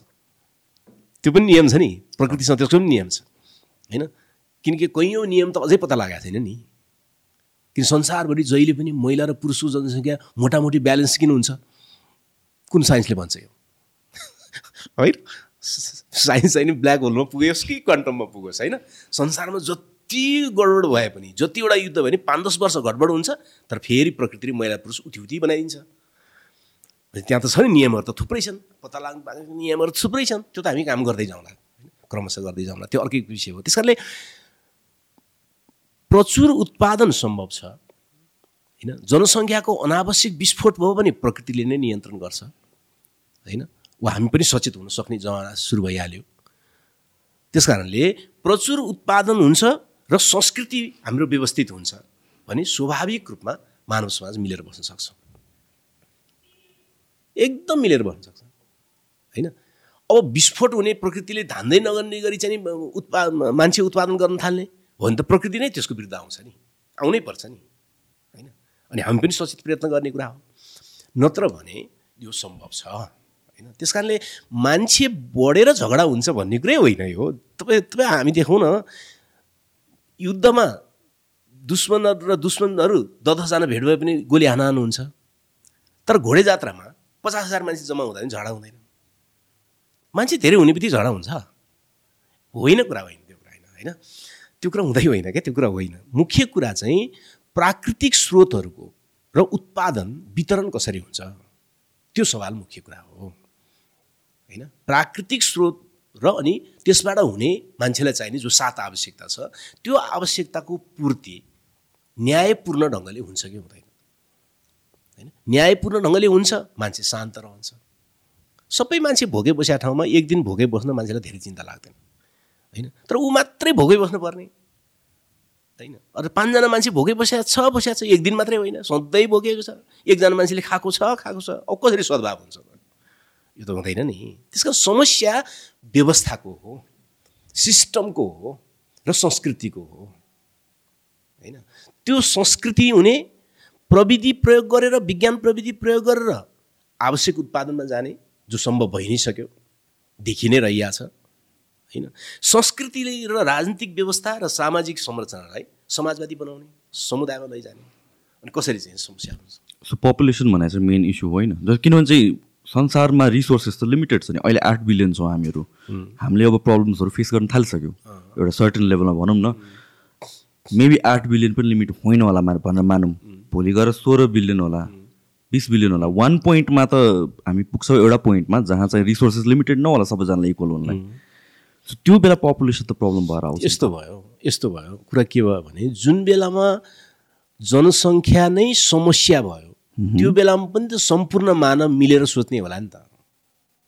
होइन? तर जुन बेलामा जनसङ्ख्याको कारणले समस्या भएको छैन समस्या वर्गको कारणले छ त्यो बेलामा त वर्गको कुरा गर्ने होला नि त। होइन? कुनै क्षुद्र ग्रह आएर ठोकिएपछि कुरा गर्ने होला वा ठोक्किने कन्फर्म भएपछि कुरा गर्ने होला नि त त्यसको बारेमा। त्यो सम्भावनाको अध्ययन पनि गर्दै जाउँ। तर क्षुद्र ग्रह ठोकिसकेको कुरा चाहिँ अहिले गर्ने। अहिले मालिकले चाहिँ मजदुरलाई लुट्या कुरा चाहिँ नगर्ने के? यो कुरा ठिक भएन भने के त्यस कारण जनसङ्ख्या विस्फोटक भन्न थाल्यो भने के गर्ने भन्ने कुरा त सिङ्गो मानव जातिको कुरा हो नि। त्यो कुनै एउटा सरकारको कुरा होइन नि होइन? त्यो बेला त हामी साझा विषय भयो त्यो न तर कुरा यहाँ के भयो त भने पृथ्वीको सारा जङ्गल सिद्धाउँदै जाने होइन? पुँजीपतिले नाफाको निम्ति जमिनको पानी पनि सिद्धाइदिने हिमालय पनि सिद्धाइदिने त्यो कुरा चाहिँ नगर्ने प्रा प्राथमिक नहुने क्या त्यो? कुरा के हो नि त जनसङ्ख्या वृद्धिले हामीलाई समस्या भयो भनिदिने क्या कहाँ समस्या हुनु जनसङ्ख्या? अफ्रिकाको त्यत्रो जमिनमा खेती नै भएको छैन। होइन? हामी दक्षिण एसिया मात्रै हेरिरहेका छौँ। जनसङ्ख्या भनेको त दक्षि दक्षिण एसिया र चाहिँ चाइना वरपर मात्रै बढ्या त हो। अन्त कहाँ छ र जनसङ्ख्या? होइन? छैन नि जनसङ्ख्या छैन। त्यत्रो ब्राजिलमा सोह्र सत्र करोड बिस करोड त हो। हेर्नु त त्यत्रो जङ्गल बाँकी छ त्यत्रो चाहिँ अक्सिजन उत्पादन गर्ने जङ्गल लिएर बसिएको छ जनसङ्ख्या छ बिस करोड। त्यत्रो रुसमा छ सोह्र सत्र करोड होइन त? कहाँ छ र जनसङ्ख्या? त्यस कारणले आठ अरब बिस करोड कुरा होइन बिस अरब कुरा होइन बिसै अरब भएछ भने पनि अथवा जे जे भएछ भने त्यो मानव जातिको साझा विषय भयो त्यो त। के गर्ने भनेर? होइन साझा प्रयत्नले पनि भ्याइएन भने अब को को बाँच्लान् त्यो बेलाको कुरा हो त्यो त प्राकृतिक अनिष्टको कुरा भयो नि। विषय प्राकृतिक मात्रै नगरौँ न। विषय सामाजिक गरौँ न सामाजिक। अहिले हाम्रो अगाडि चाहिँ के छ। हाम्रो अगाडिको कुरा चाहिँ छोडिदिने होइन? प्राथमिक नबनाउने। भन्नुहोस् न नेपालमा अहिले प्रत्येक नदीनाला चाहिँ मान्छेहरूको खल्तीमा छ। त्यो कुरा नगर। होइन। खल्तीमा मा प्राकृतिक नदी खल्ती खल्तीमा छ। त्यो कुरा नगर्ने। अनि हाम्रो हेर्दा हेर्दै हाम्रो सारा जलविद्युत कब्जा गर्ने एमसिसी आइसक्यो त्यो कुरा नगर्ने होइन? अनि कुरा फेरि अरू नै गरेर त भएन नि त। त्यस कारणले मानव जातिको जनसङ्ख्या वृद्धिको कारणले समस्या आउन थाल्यो भनेदेखि हामीले साझा विषय भयो त त्यो हो। ठिक छ त साझा विषय भयो होइन? साझा विषय भयो। त्यो त क्लासले ल्याउने होइन त्यो त। त्यो त हाम्रो सजगता नपुगेर हामीले परिवारलाई कसरी निर्माण गर्ने कति बनाउने भन्ने नपुगेर भएको समस्या हो। के चाइनिज चाइनिजहरूले चाहिँ जनसङ्ख्यालाई नियन्त्रण गराउनु एउटा बच्चा मात्रै भने नारा ल्याए। अहिले तिनवटासम्म दिनुपर्छ भने ल्याएर किनभने उनीहरूले ब्यालेन्स गर्नु पऱ्यो। त्यो त गर्दै जान सकिन्छ नि त्यो ठुलो कुरा भएन। प्रचुर उत्पादनको समस्या मुख्य हो। त्यो चाहिँ विज्ञान प्रविधिले सम्भव छ। जुन बेलामा जनसङ्ख्या नै विस्फोटक भएर हामीमाथि समस्या आउँछ त्यो बेला मानव जातिको साझा विषयहरू जान्छ त्यो। त्यो अर्को कुरा भयो। त्यो एउटा वर्गको मात्रै समस्या हुँदैन नि त। तर अहिले त्यो कुरा भएन। अहिले समस्या त्यसको होइन। समस्या अहिले मुठीभर मानिसहरूले होइन बहुसङ्ख्यक मानिसहरूलाई लुट्ने। यो मुख्य समस्या हो। त्यसमा केन्द्रित हुनु पऱ्यो बहस। भन्ने लाग्छ। हो त्यो पनि कुरा गरौँ हामीहरू। तर म एकचोटि एउटा भनिहालौँ। यो कन्टेक्स्टको जुन हाम्रो अहिले कन्भर्सेसन भइरहेको छ नट जस्ट पोलिटिकल र इकोनोमीको कुरा मात्र होइन। मैले तपाईँको जति कन्भर्सेसन हेरेको छु आई फिल लाइक तपाईँले सोसाइटी र सोसाइटीको स्ट्रक्चरलाई राम्ररी बुझ्नु भएको छ। सो त्यसमा मैले चाहिँ तपाईँसँग मोर ब्रेन स्ट्रम गर्न खोजेको। जस्तो कि मैले भनेको चाहिँ यदि सानो प्लेन आकाशमा उड्न सम्भव छ भने होइन? त्यसको पाट पूर्जाको आकार बढाएर ठुलो प्लेन पनि उड्न सम्भव छ। होइन? त्यस कारण सानो जनसङ्ख्याको बेलामा मानिसहरू समाजवादी ढङ्गले बाँच्न सम्भव थियो भने होइन? ठुलो जनसङ्ख्या आउँदाखेरि संरचना बढाउनु पर्ने हुन्छ। त्यसमा विशेषताहरू थप्नुपर्ने हुन्छ। तर धेरै जनसङ्ख्या हुँदाखेरि पनि उनीहरू मर मिलेर बस्न सक्छन्। है? त्यसमा जनसङ्ख्याको कुरा मुख्य होइन। तपाईँको अघिको सरोकार त्यहाँ छ नि। सानो आकार के? प्लेन बनाउँदाखेरि सानो बनायो भने पहिला। तर प्लेन बनाउने प्रविधि र त्यसको सूत्र ठिक भएको हुनाले अहिले बोइङ पनि बन्यो जेट पनि बन्यो ठुल्ठुलो बन्यो जत्रो पनि बन्छ यो। त्यो पूर्जाको आकार बढाउने कुरा हो त्यसमा विशेषता थप्ने कुरा हो बढ्छ। किनकि विज्ञानले भनेको उड्न सकिन्छ। नियम त त्यो सानोमा लागेकै हो फेरि त्यही नियम हो मुख्य। ठिक त्यसरी नै सानो जनसङ्ख्या यदि समाजवादी हुनसक्छ बाँच्न सक्छ र त्यसले प्रगति पनि गर्न सक्दो रहेछ नि त। किन हामी आठ अरब भएको त थोरै मान्छे बढेर होला नि? होइन? ती थोरै मान्छे नै लडेर सिद्ध्याए त हामी आउँदैन थियौँ। तिनीहरू कति विद्वान रहेछन्। रिसोर्स थिएन केही थिएन हतियारहरू थिएनन् औजारहरू थिएनन्। ती मानिसहरूले खनी खोसेर गर्दै गर्दै गर्दै गर्दै हामीलाई जोगाएर ल्याएका हुन् नि त। होइन? अहिलेभन्दा अभाव त त्यो बेला छ होला नि। खै त उनीहरू लडेर मरेनन् एक आपसमा। सिद्धिएनन् उनीहरू। जनसङ्ख्या वृद्धि नै गरेर आए। कल्पनै गर्न सकिँदैन नि आजभन्दा पचहत्तर हजार वर्ष अगाडि कति अभाव थियो होला। एकले अर्काले टोकेरै मारेर सिद्धिनु पर्ने नि। भयो त त्यस्तो। हुँदैन। त्यस कारणले मानव सभ्यताको मानव स्वभावको नियम के हो त भने सबै मानिसहरू सकेसम्म मिलेर सामाजिक बन्न चाहन्छन्। सामाजिक बन्नु पर्नुको बन्नुका कारणहरू होला धेरैवटा। होइन? एउटा त शरीरको बनावट त्यस्तो होला। एक्लै हिँडेर बाँच्नै नसक्ने। एउटा त्यो पनि कारण होला। अर्को उसको बुद्धिको विकास यस्तो छ कि सँगै बस्यो भने मात्रै मेरो प्रगति हुनसक्छ भने उसले बुझेको होला होइन? यी सबै विशेषता मान्छेका छन्। त्यस कारण सानोमा यदि कुनै नियम लागु हुन्छ भने त्यो नियम ठुलो समाजमा पनि लागु गर्न सकिन्छ। त्यसमा विशेषता थप्नुपर्ने हुन्छ। कुरा यति मात्रै हो। सो जुन तपाईँले भन्नुभयो पहिलाको थोरै पपुलेसन थियो त्यहाँबाट पनि सबै सिद्धिएन तर कतिवटा रेस अफ ह्युमन्स त सकिया हो नि त। हामी अहिले जुन रेस अफ ह्युमन्स छौँ त्यो त कति लाख वर्ष अगाडि त एउटै टाइममा त मल्टिपल टाइप अफ ह्युमन्स यो पृथ्वीमा एक्जिस्ट गर्थ्यो। एक आर्क एक आपसमा त्यो रिसोर्सको लागि नै झगडा परेर त्यतिखेर सोसाइटी भन्ने पनि थिएन स्ट्रक्चर पनि थिएन। त्यस्तो भएको होइन। जस्तै नियन्दरथल मान्छेको कुरा रामापिथेकस मान्छेको कुरा होइन र अहिलेको स्यापेन्स होमे स्यापेन्सको कुरा। उनीहरू अहिलेको जस्तो स्यापेन्स होमे स्यापेन्सवाला मान्छे नै होइनन् नि। उनीहरू त यो स्तरमा बन्नका निम्ति पशु जगतबाट थोरै अलग भएर प्रकृतिमा सङ्घर्ष गरिरहेका मान्छेहरू थिए थिए प्रजातिहरू। हामी जस्तो बनिसकेको मान्छे लोप भएको होइन नि।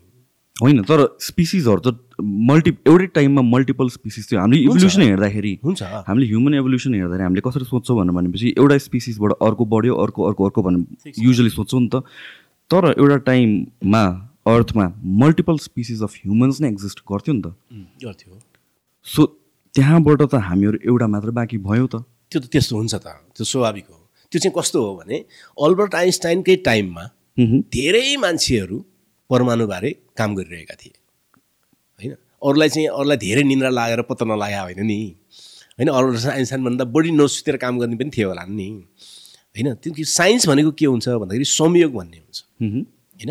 संयोग हरेक आविष्कार वा हरेक घटनाहरू निश्चित नियममा आधारित संयोगमा प्रकट हुने हो। संयोगमा प्रकट हुने हो होइन? त्यस कारण अल्बर्ट आइन्स्टाइनले त्यो पत्ता लगाएको कुरा पनि एउटा संयोग थियो त्यो होइन? अरूको संयोग त्यहाँ लागेन।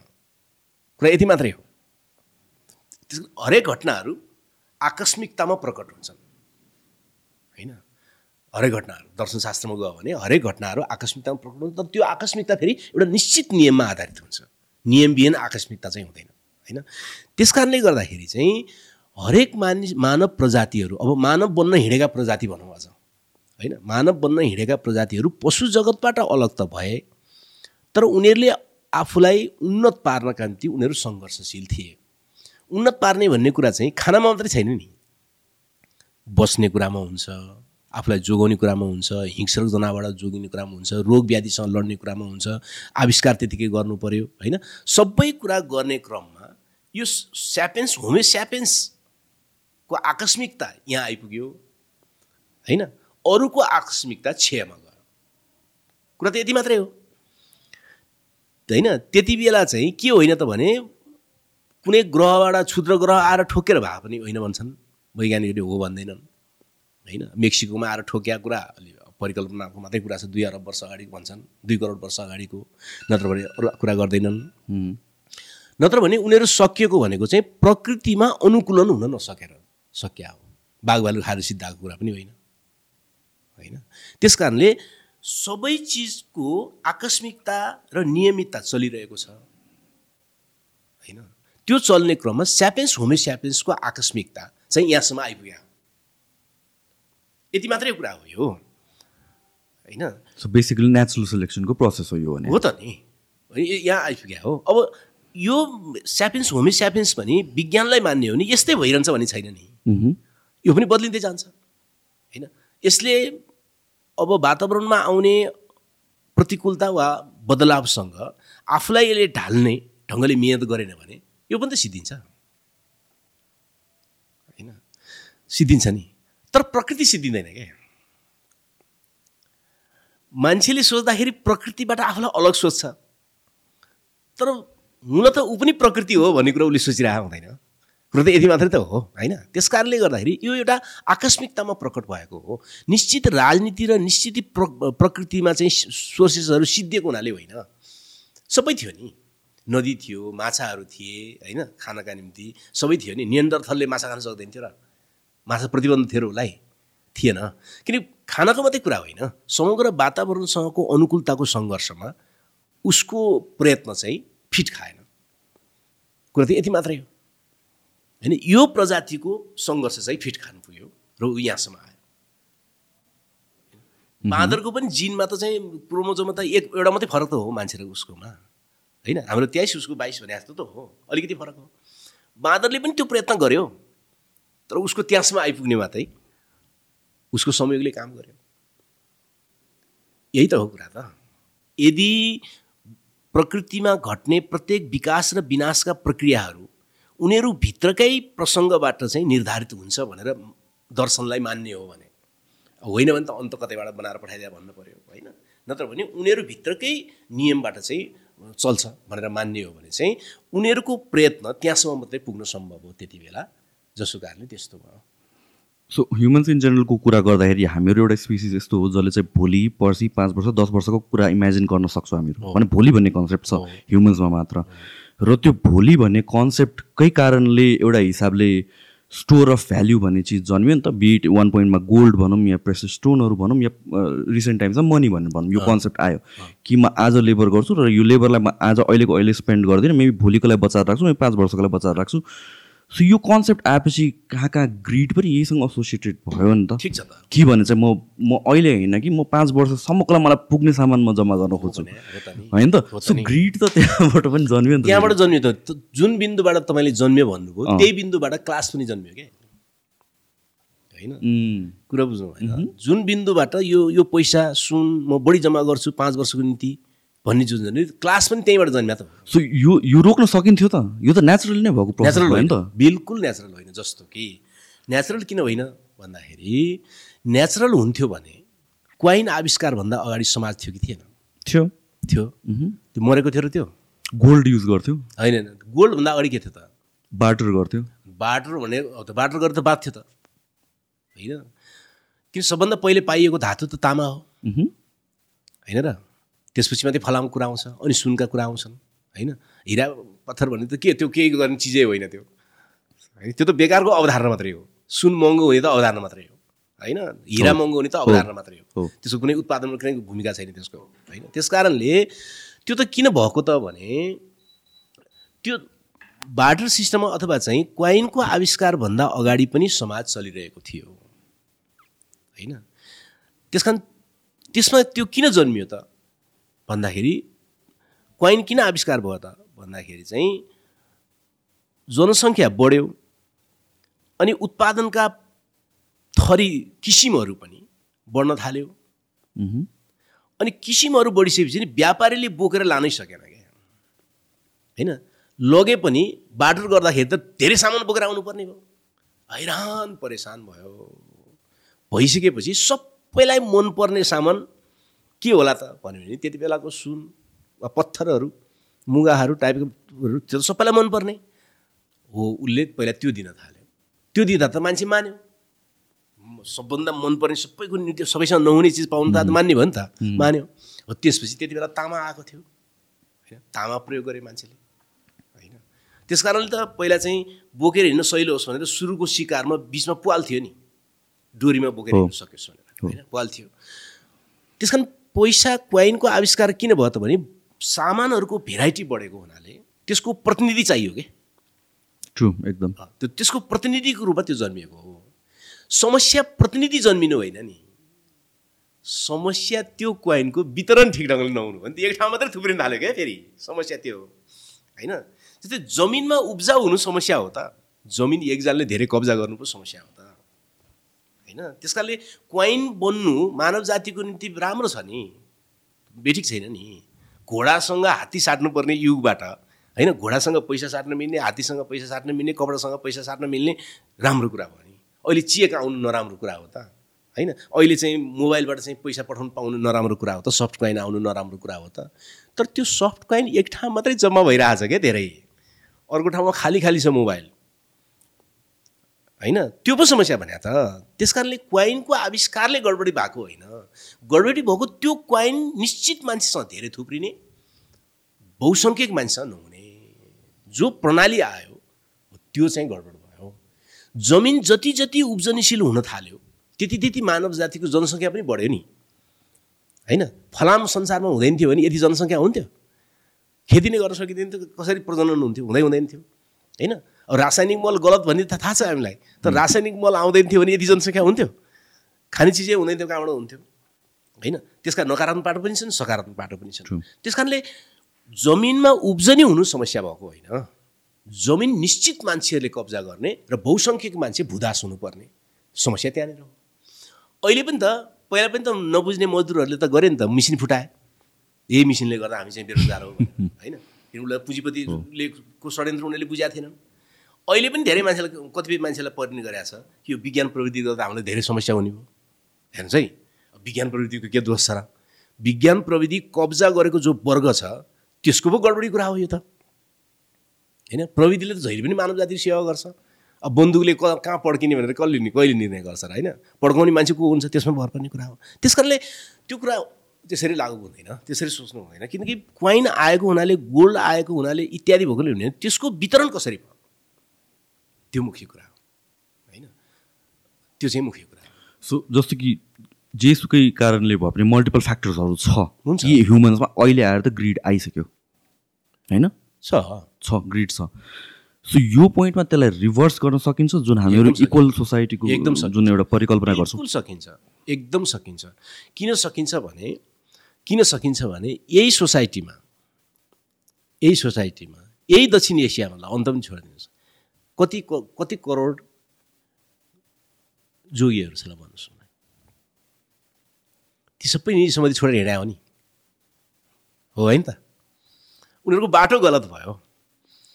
नाङ्गै हिँडिरहेको छ मान्छे कोही महादेव भनेर हिँडिरहेछ कोही कृष्ण भनेर हिँडिरहेछ कोही बुद्ध भनेर हिँडिरहेछ होइन? कोही के भनेर हिँडिरहेछ? लाखौँ लाख मानिसहरू यो निजी जीवनको दुःख सुखबाट अलग हुन्छ भनेर हिँडिरहेछ। हो। हो नि। उसको बाटो गलत भयो तर उसको नियत त छ। अनि त्यस कारणले गर्दाखेरि मानव जाति सबै नै एउटा शान्त सृजनशील दुनियाँ चाहन्छ। उसको संरचना यस्तो बनाइदिएको छ उसलाई कि ऊ त्यहाँबाट निस्किन सकिरहेको छैन। होइन यो कार्ल मार्क्सले भने जस्तै कुरा हो। होइन कार्ल मार्क्सले एउटा प्रश्न सोध्छन् तपाईँलाई मान्छेको मनपर्ने सबभन्दा राम्रो गुण के हो? ए मान्छेको बारेमा तपाईँको धारणा के हो? भनेर भन्दाखेरि मा उनले भन्छन् कि मानिसको कुनै पनि कर्मप्रति म घृणा गर्दिनँ। किनकि उसको कारणले त्यो भएको होइन। सामाजिक व्यवस्थाको कारणले त्यो हुनु गएको हो। त्यसमा व्यक्तिगत रूपमा ऊ दोषी छैन। व्यक्तिगत रूपमा म कसैलाई घृणा गर्दिनँ भनेर उनले भन्छन्। प्रत्येक मानिसलाई यस्तो संरचनाले बाँधेको छ। यसरी बाध्य पारिएको छ कि ऊ लो लोभी हुन बाध्य छ। होइन? एउटा डाँकाले पनि एउटा सबभन्दा भ्रष्टले पनि एउटा सबभन्दा कमिसनखोरले पनि एउटा हत्याराले पनि लुटा लुटेर हत्याराले पनि के तर्क गर्छ भने म यस्तो बन्थेँ र मेरा बाल बच्चालाई यस्तो समस्या भयो नि त। त्यस कारणले म बनेको। भन्छ नि त। हो। भनेको त ऊ पनि त्यो त गर्न नचाहने रहेछ नि त। तर उसको संरचना यस्तो बनाइदिएको छ उसलाई कि ऊ त्यसो गर्न बाध्य छ। सो जुन सोसियल स्ट्रक्चर बनिसक्यो नि त अलरेडी त्यसलाई अब हटाउन सकिन्छ। त्यही त त्यहाँ जस्तै म तप- तपाईँलाई दुई तिनवटा उदाहरण दिन्छु नि। सरल छ यो कुरा जस्तो कि अहिले नै पनि समाजवादका विभिन्न आयामहरू समाजमा लागू भइरहेछ अहिले पनि। जस्तो कि कमसेकम यस्तो लुटा दुनियाँमा सरकारी स्कुलमा पढ्न गयो भने निजीमा जस्तो लुटिनु पर्दैन। त्यो त्यही स्तर बराबरको समाजवाद हो कि त्यो? त्यति समाजवाद हो त्यो। है? किन समाजवाद भने के हो यो? समाजवाद भनेको निजी दुःखहरूको अन्त्य गर्दै जाने भने हो। होइन? निजी दुःखको स्रोत के हो? निजी सम्पत्ति हो। त्यस कारण निजी निजी दुःख निजी दुःखको अन्त्य गर्ने भने हो के? समाजवाद भनेको। निजी दुःख किन हुन्छ त? भने निजी जीवनमा चाहिने चिजको जिम्मा सबै आफूले लिन थाल्नुपर्ने बाध्यता भएपछि निजी दुःख हुने हो। होइन? ल हेर्नुहोस्। सबै मान्छे अहिले के भन्छ? शिक्षा नि शुल्क हुनु पऱ्यो भन्छ होइन त। भने के भने समाजवाद हुनु पऱ्यो भने होइन त्यसले। होइन? मैले फी तिर्दा तिर्दा म हैरान भएँ। त्यो फी मैले नतिर्ने गरिदिनु पऱ्यो राज्यले हो कि समाजले हो कि गरिदिनु पऱ्यो भने त मेरो निजी दुःख चाहिँ हरण गर्नु हरण गर्नु पऱ्यो भने हो। त्यही त हो समाजवाद भने। सबै मान्छेले के भन्छ भन्दाखेरि यो प्राइभेट हस्पिटलमा गएर मरियो।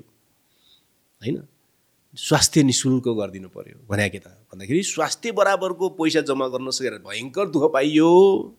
होइन? यो निजी दुःख चाहिँ हरण गरिदिनु पऱ्यो स्वास्थ्य क्षेत्रमा समाजवाद चाहियो। यही भने होइन। अहिले के अहिले प्रत्येक मान्छे समाजवादतिर जान चाहन्छ। प्रत्येक मान्छे हुँदा हुँदा त सबभन्दा ठुलो पुँजीपतिले पनि के भन्छ भने म पनि अलिकति कल्याण गर्छु नि। होइन?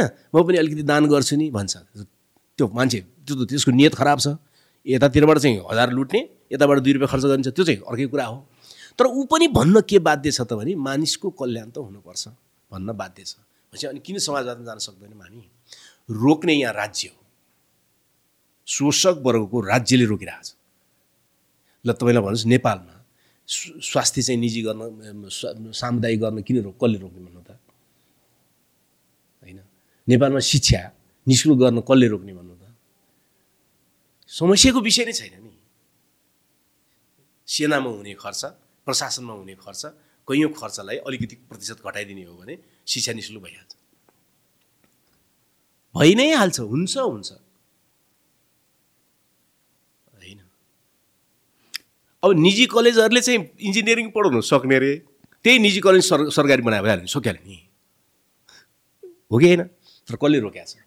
सो तर यो प्राइभेटाइजेसन र यो पब्लिक जुन कुरा हामीहरू गरिरहेको छौँ नि यसमा चाहिँ प्रब्लम के आउने रहेछ भनेपछि इफ मान्छेसँग रिसोर्सेस छ भने क्वालिटीको कन्टेक्समा कुरा गर्दाखेरि स्टिल प्राइभेट नै प्रिफर गर्छौँ किनभने प्राइभेटमा इन्सेन्टिभ इन्सेन्टिभाइजेसन भन्ने एउटा प्रोसेस छ।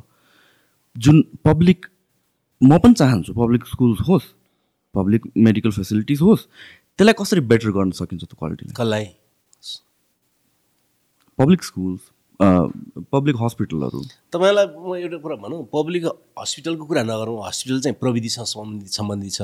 म स्कुलको कुरा गर्छु। तपाईँलाई लाग्दछ कि पब्लिक स्कुलहरू राम्रा भनेका स्कुलहरूले राम्रो शिक्षा उत्पादन गरेका छन्? नेपालमा सबभन्दा राम्रो स्कुल को? पहिला। सबभन्दा- अहिले त छोडौँ। पहिला।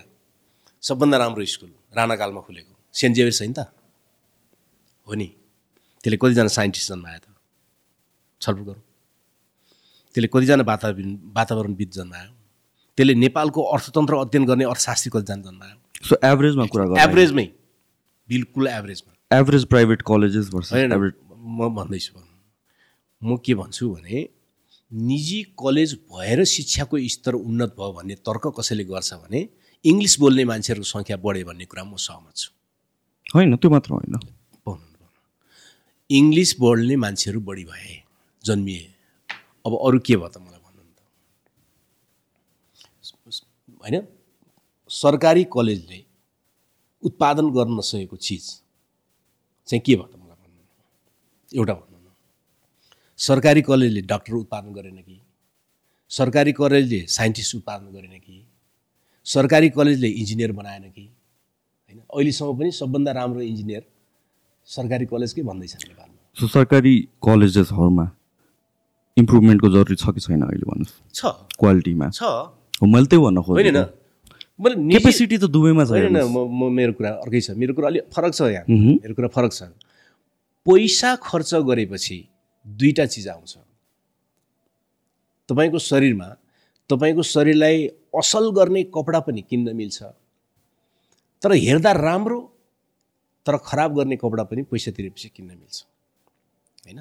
त्यस कारण निजी कलेज हुने बित्तिकै शिक्षाको स्तर राम्रो भन्ने तर्क चाहिँ त्यसको परिणामबाट पुष्टि भएको छैन नेपालमा। अङ्ग्रेजी बोल्नेहरूको सङ्ख्या बढ्यो भने पुष्टि भयो त्यो म मान्छु।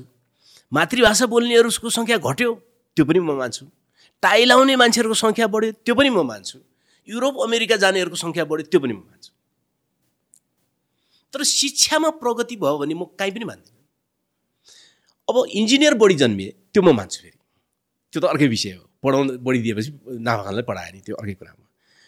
तर चाहिँ सरकारी स्कुलमा जन्मिएको डाक्टरभन्दा क्याम्पसबाट जन्मिएको डाक्टरभन्दा इन्जिनियरभन्दा कुन मानेमा स्तरीय जन्मियो त?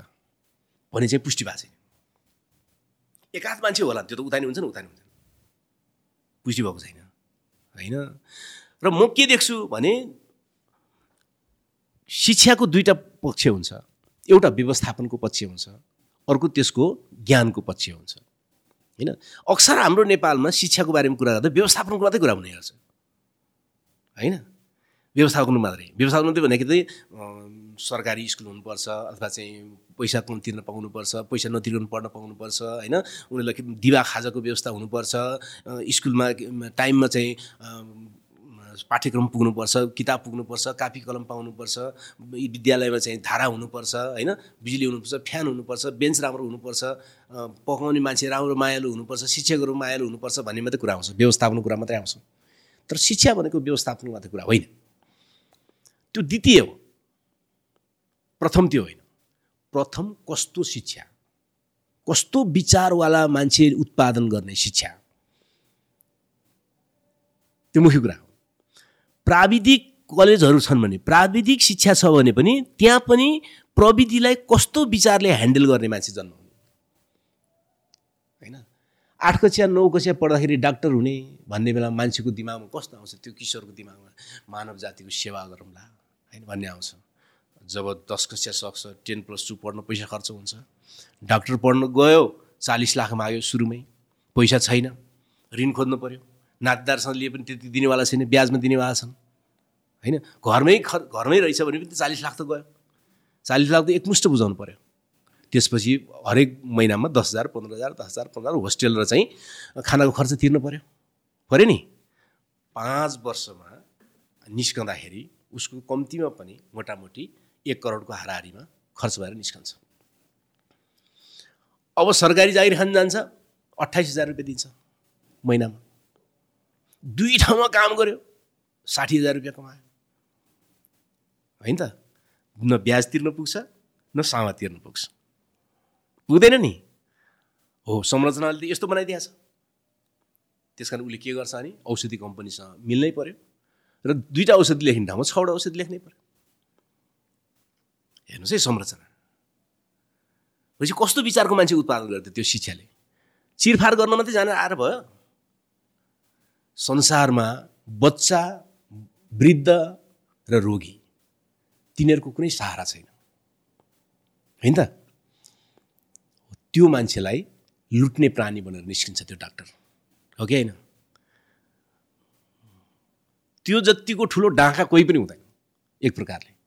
किन बच्चालाई लुट्ने बुढाबुढीलाई लुट्ने र रोगीलाई लुट्ने भन्छ रोगीको के छ सहारा? उपाय नै छैन। होइन? हो उसले कस्तो विचार बोकेर आयो त?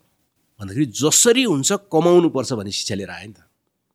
त्यस कारण ऊ कस्तो स्कुलमा पढे मात्रै मुख्य कुरा होइन। उसले कस्तो शिक्षा ग्रहण गरेर आयो भने हेर्नु पऱ्यो यसरी हेर्दा किनकि शिक्षा भनेको समग्रतामा हेर्नु पऱ्यो नि। मान्छे त सर्टिफिकेट ल्याएको छ छैन मात्रै हेरिराखेको छ। राम्रो घरमा पढाएको छ कि छैन मात्रै हेरिराखेको छ। स्कुलको ड्रेस र टाई छ कि छैन मात्रै हेरिरहेको छ। टाई किन बाँध्न सुरु गरेको भने थाहा छैन मान्छेलाई। टाई झुन्डाइदिएको छ। कहाँबाट आएको टाई? प्रिन्सिपललाई थाहा छ? प्रत्येक स्कुलको प्रिन्सिपललाई थाहा छ। किन सुरु भएको टाई युरोपबाट? थाहा पाउनु पर्दैन। त्यतिकै झुन्डाइदिएको छ किन सुरु भएको? त्यहाँतिर यो फ्रान्सबाट सुरु भएको भनेर मानिन्छ। होइन फ्रान्समा चाहिँ व्हाइट कलर जब र चाहिँ डार्क कलर जब भन्ने कुरा थियो। होइन अब काम नगर्ने मान्छेहरूको सफा कलर हुन्थ्यो। होइन उनीहरू गन्ने मान्ने मानिन्थे। अब मजदुरहरूको चाहिँ दासहरूको भूदासहरूको उनीहरूको त एकदमै फोहोर हुन्थ्यो। अब उनीहरूले चाहिँ ठुलो मान्छेसँग भेट्न जानु पर्दाखेरि यो छोप्नु पऱ्यो छोप्दाखेरि यहाँ टालो भनेर जान्थे उनीहरू। त्यो टालो भनेर जाने परम्परा विकसित हुँदै जाँदा त्यो स्थायी रूपमा बाँध्ने चलन आयो होइन? त्यो आफ्नो श्रमिकहरूले आफ्नो मैल छोप्नका निम्ति प्रयोग गरेको चिज पछि टाइममा विकास भएको भनेर भनिन्छ होइन? त्यसको एउटा सन्दर्भ छ होइन? अब अब त्यतिकै लगाइदिएको छ। लगाइदिए मात्रै छैन। यो युनिफर्मै किन चाहियो? यसको उत्तर पनि छैन। किन चाहियो युनिफर्म हो युनिफर्मभित्र लुगाभित्र बच्चाहरूको वर्ग धेरै प्रकट नहोस् धेरै धनी धेरै गरिब नहोस् भने त्यसलाई एउटा सीमाभित्र कैद गरिदिन सकिन्छ सीमाभित्र बाँधिन सकिन्छ तर सबै मान्छेले ठ्याक्कै एउटै लुगा लाउनु पनि किन हो यो? त्यसो गऱ्यो भने बुद्धि बढ्ने हो कि? त्यो त सेनाको निम्ति चाहियो हो। युनिफर्म भने त। किनकि शत्रुको सेना र आफ्नो सेना परैबाट चिनियोस् भनेर पो युनिफर्म चाहियो एउटा कक्षा कोठामा त सिङ्गै समाज देखियोस् न। उसले के लाएर आएको उसले के ऊ यस्तो समाजको रहेछ यो यस्तो समाजको रहेछ यो पहिरन पनि यहाँ रहेछ यो पहिरन पनि यहाँ रहेछ। उसले कपाल यसरी बाँड्दो रहेछ उसले कपाल यसरी बाँड्दो रहेछ। होइन? हरेक चिजको सिङ्गै समाज कक्षा कोठामा देख्यो भने कस्तो हुन्छ? यहाँ त छैन। उत्तरै चाहिँ प्रश्नै छैन। कतिपय कुरा हिटलरले सुरु गरेर लागु गरिदिएर बसिरहेका छन् मान्छे। मैले भन्न खोजेँ व्यवस्थापन मात्रै शिक्षा होइन। शिक्षा भनेको त्यसको सार बौद्धिक सारको कुरा हो। त्यो बौद्धिक सारको कोणबाट हेर्ने हो भने म नेपालमा के देख्दिनँ त भने निजी स्कुलबाट निजी स्कुल र क्याम्पसबाट उत्पादन गरेको विद्यार्थी होइन उन्नत उत्पादन भयो भन्ने कुरामा कुनै तथ्यले पुष्टि गर्दैन। त्यो त विद्यार्थीमा पनि भर पर्ने कुरा हो। शिक्षामा भर पर्छ। विद्यार्थीमा भर पर्छ। विद्यार्थीको रोल छैन त्यसो भए। प्रमुख हुँदैन। प्रमुख हुँदैन। विद्यार्थीको रोल प्रमुख हुनै सक्दैन।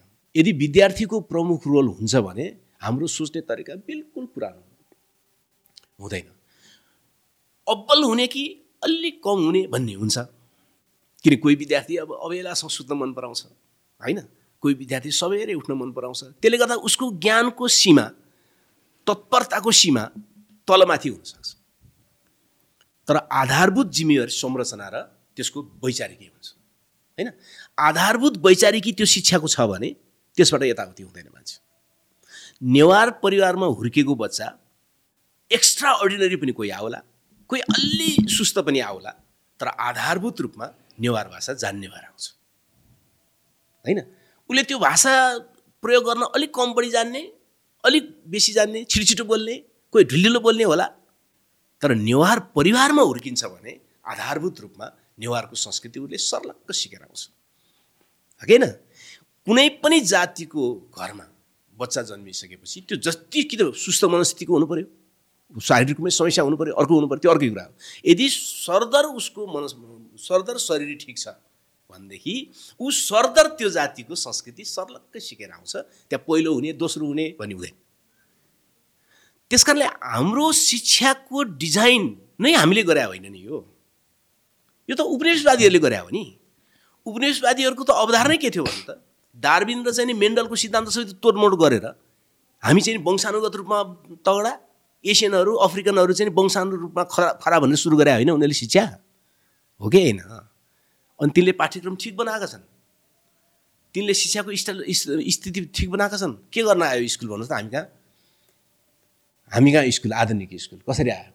जब पहिलोचोटि गाउँमा आएर आधुनिक शिक्षा लिएर स्कुल आयो त्यो स्कुलको छानोमा उभिएर त्यसको हेडमास्टरले भन्यो यो गाउँका सबै मान्छे अशिक्षित। हो कि होइन त्योभन्दा अगाडि अशिक्षित भन्ने मान्छे थिएन। हाम्रो समाजमा अशिक्षित भन्ने मान्छे नै थिएन। यो विषयमा यो बढी जान्ने यो विषयमा यो बढी जान्ने भन्ने थियो तर अशिक्षित भन्ने मान्छे नै थिएन। तर जब आधुनिक शिक्षा उपनिवेशवादीहरूले डिजाइन गरेको शिक्षाको मोडल लिएर आयो अनि सिङ्गै गाउँलाई त्यसले अशिक्षित भनिदियो। अनि भन्यो यहाँ पढ्न आउने मात्रै शिक्षित हुन्छौ तिमीहरू। होइन? अनि पढ्नलाई पैसा चाहियो। पैसा हुने मात्रै पढ्न आयो। अनि पढ्न आएका मध्येलाई पनि के गर्थ्यो फेल हुने मान्छे खराब। कमसल पास हुने मान्छे चाहिँ अब्बल शिक्षा त हाम्रो समाजलाई विभेद गर्नका निम्ति सुरु भएको हो नि हाम्रो त। त्यस कारणले हामीले पुरानो ढङ्गले सोचेर उपनिवेशवादीहरूले जेलाई जुन ढङ्गले जुन मोडलमा सोच्न सिकाए सोचेर शिक्षाको बारेमा ठिक सोचाइ हुँदैन। त्यो हुन सक्दैन त्यो होइन। हामीलाई बर्बाद पारिँदैछ। हामीलाई हामी नै नचिन्ने बनाउँदैछ शिक्षाले। आजको नयाँ पुस्ताले यो आधुनिक भनेको शिक्षा जो दिँदैछ उसले आफैलाई चिनिरहेको छैन। उसले के चिन्छ भन्नुहोस् त?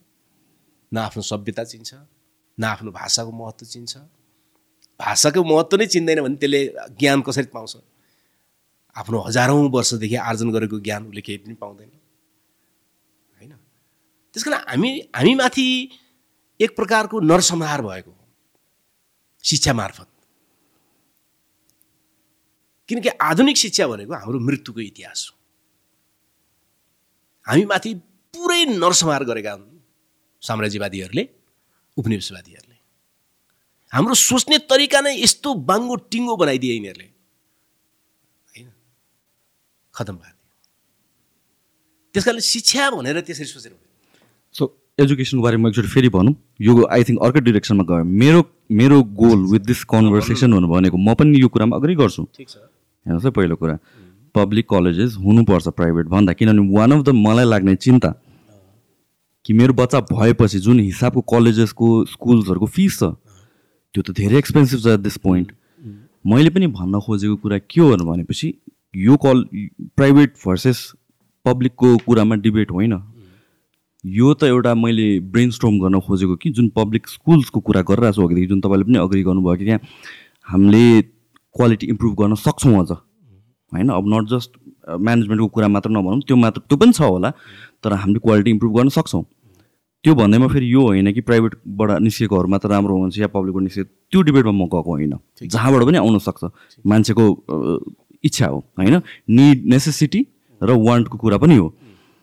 तर पब्लिक स्कुललाई बेटर कसरी बनाउन सकिन्छ त भन्ने। कन्टेक्समा कुरा गरेँ। मैले। यो होल डिबेट भनेको मैले तपाईँको। अगेन्स्टमा कुरा गरेन। म I stand on the same मैले बुझेँ। अहिले सकिँदैन। अब पब्लिक स्कुललाई किन सकिन्न त भने हिजोभन्दा अलिकति राम्रो गर्न सकिन्छ। अहिले भएको पनि छ। हिजोभन्दा। होइन कैयौँ सहरहरूमा निजी स्कुलहरू बन्द भएका छन्। जस्तो कि बुटवलमा। निजी स्कुलहरू कम हुन थालेको छ। वीरगन्जमा निजी स्कुलहरू कम हुन थालेको छ होइन? कैयौँ ठाउँमा भएको छ तर यो हुन सक्दैन अन्तत कुनै पोइन्टमा हुन्छ होला हुँदैन।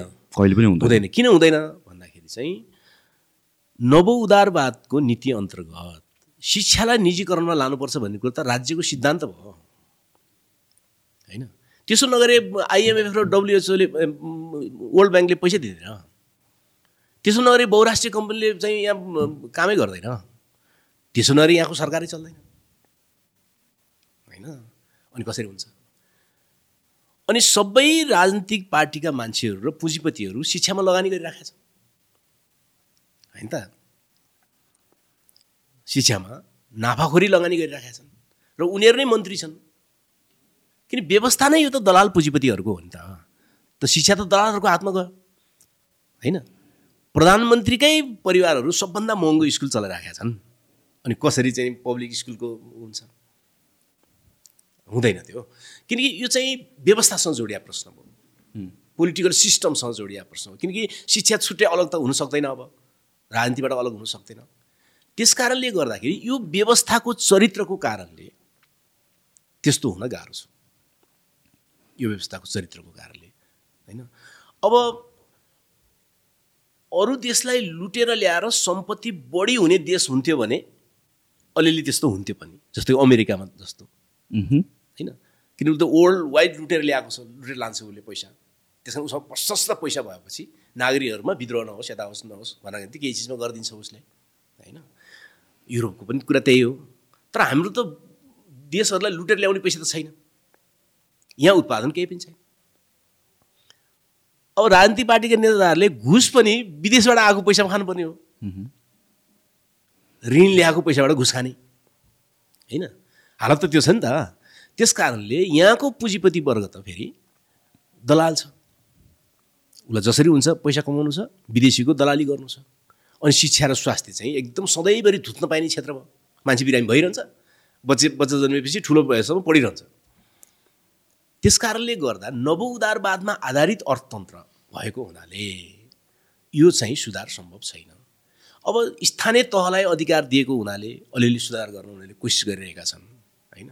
तर त्यो स्थानीय तह कसले कब्जा गर्छ? तिनै राजनीतिक पार्टीले कब्जा गर्छन् तिनै राजनीतिक पार्टीले कब्जा गर्छन् जो दलाल पुँजीपतिहरूको चन्दामा चाहिँ चुनाव लड्छन् होइन? तिनीहरू नै कब्जा गर्छन् ठुल्ठुलो सा चिजमा सेयर उनीहरूले हालेका छन् अहिले। हाइड्रो कब्जा गर्न सबै पार्टीका मान्छे लागेका छन् अहिले। सबैलाई थाहा छ नि होइन? भनिसकेपछि अब अब हुँदा हुँदा त के भयो त भने पुँजीपति घरानाहरू नै सांसद बन्न आउने युग आयो अब। हिजो चाहिँ पुँजीपतिले आएर आफ्नो प्रतिनिधि पठाउँथे। अब त पुँजीपतिहरू आफै एक नम्बरका पुँजीपतिहरू कम्पनीको एक नम्बरको मान्छे आफै सांसद बन्न आउने। आफै मन्त्री आउने। निजी कलेज चलाउनेहरू आफै सांसद बन्न आउने। एक दुई करोड खर्च गर्ने सांसद बन्न आउने। युग सुरु भयो। ट्रम्पहरू आएको त्यही त हो नि। व्यापारीहरू पुँजीपतिहरू आफै नै मन्त्री बनेर राजनीतिक काम गर्न आउने। पहिला त्यस्तो हुँदैन थियो। पहिला उनीहरूले आफ्नो प्रतिनिधि पठाउँथे। अब उनीहरू प्रतिनिधिले काम चलेन भनेपछि उनीहरू आफै आउनु थाले। भनेपछि स्वयं निजी सम्पत्तिको आधारमा निजी व्यापार गरेर जो मान्छेले एम्पायर खडा गरेका छ त्यो चाहिँ मन्त्री बन्छ त्यो सांसद बन्छ अनि त्यसले कसरी अब पब्लिक स्कुल अगाडि बढाउनु दिन्छ। दिँदै दिँदैन नि त्यो सम्भव छैन। सो क्लासले गरेर कास्टले गरेर क्लास जन्मियो होइन? कास्ट र क्लासले गरेर हाम्रो अहिलेको सोसियो इकोनोमिक या भन्छ पोलिटिक्समा एकदमै ह्युज प्रेजेन्स छ। अहिले पनि त्यो त्यही त्यहीको हिस्ट्रीले को ह्युज रोल छ। सिस्टम भनेको कस्तो हुनुपर्छ? तपाईँले सोच्नु भएको एउटा राम्रो सिस्टम भने चाहिँ कस्तो? अहिलेको जुन गभर्मेन्ट सिस्टम छ या हाम्रो इन जेनरल सिस्टम जसले गभर्न गरिरहेको छ हामीलाई कस्तो हुनुपर्ने एउटा राम्रो सोसाइटीमा अब यसमा हामीले केही सैद्धान्तिक प्रश्नहरू हल गर्नुपर्छ। होइन? पहिलो कुरा चाहिँ अहिलेसम्मको शासन व्यवस्था। अब आदिम साम्यवादी समाज भन्छन् पहिला होइन? त्यो जहाँ वर्ग पनि जन्मिएको थिएन मान्छे चाहिँ सामुदायिक ढङ्गले बाँचिरहेको थियो खानाको खोज्दा खोज्दा हैरान हुन्थ्यो त्यो होइन? सबभन्दा तन्नम हालत थियो मान्छेको त्यो बेला राज्य भन्ने कुरा थिएन। त्यसपछि कृषिको युग फलामको युग हलो जोत्ने इत्यादि इत्यादि आउनु थालेपछि वर्गहरू जन्मिए शासनहरू जन्मियो दासयुग आयो। अब दासयुगमा लोकतन्त्र भने केही हुने कुरा भएन। एक थरी मान्छे हुने भए अर्को बोल्ने पशुहरू हुने भए।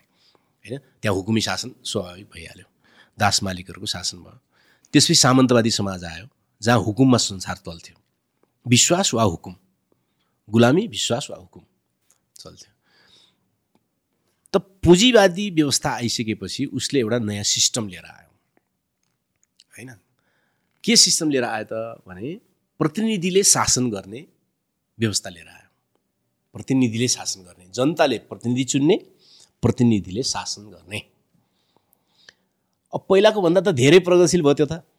पहिला प्रतिनिधि पनि चुन्न पाइदिन्थ्यो हुकुमले गर्थ्यो तरबारले गर्थ्यो भनौँ न। भनेदेखि अब त प्रतिनिधि चुन्न पाइयो पछि निकै प्रगतिशील भयो त्यो। है? तर त्यो बहुसङ्ख्यक मान्छेहरूलाई लुट्ने व्यवस्था थियो त्यो।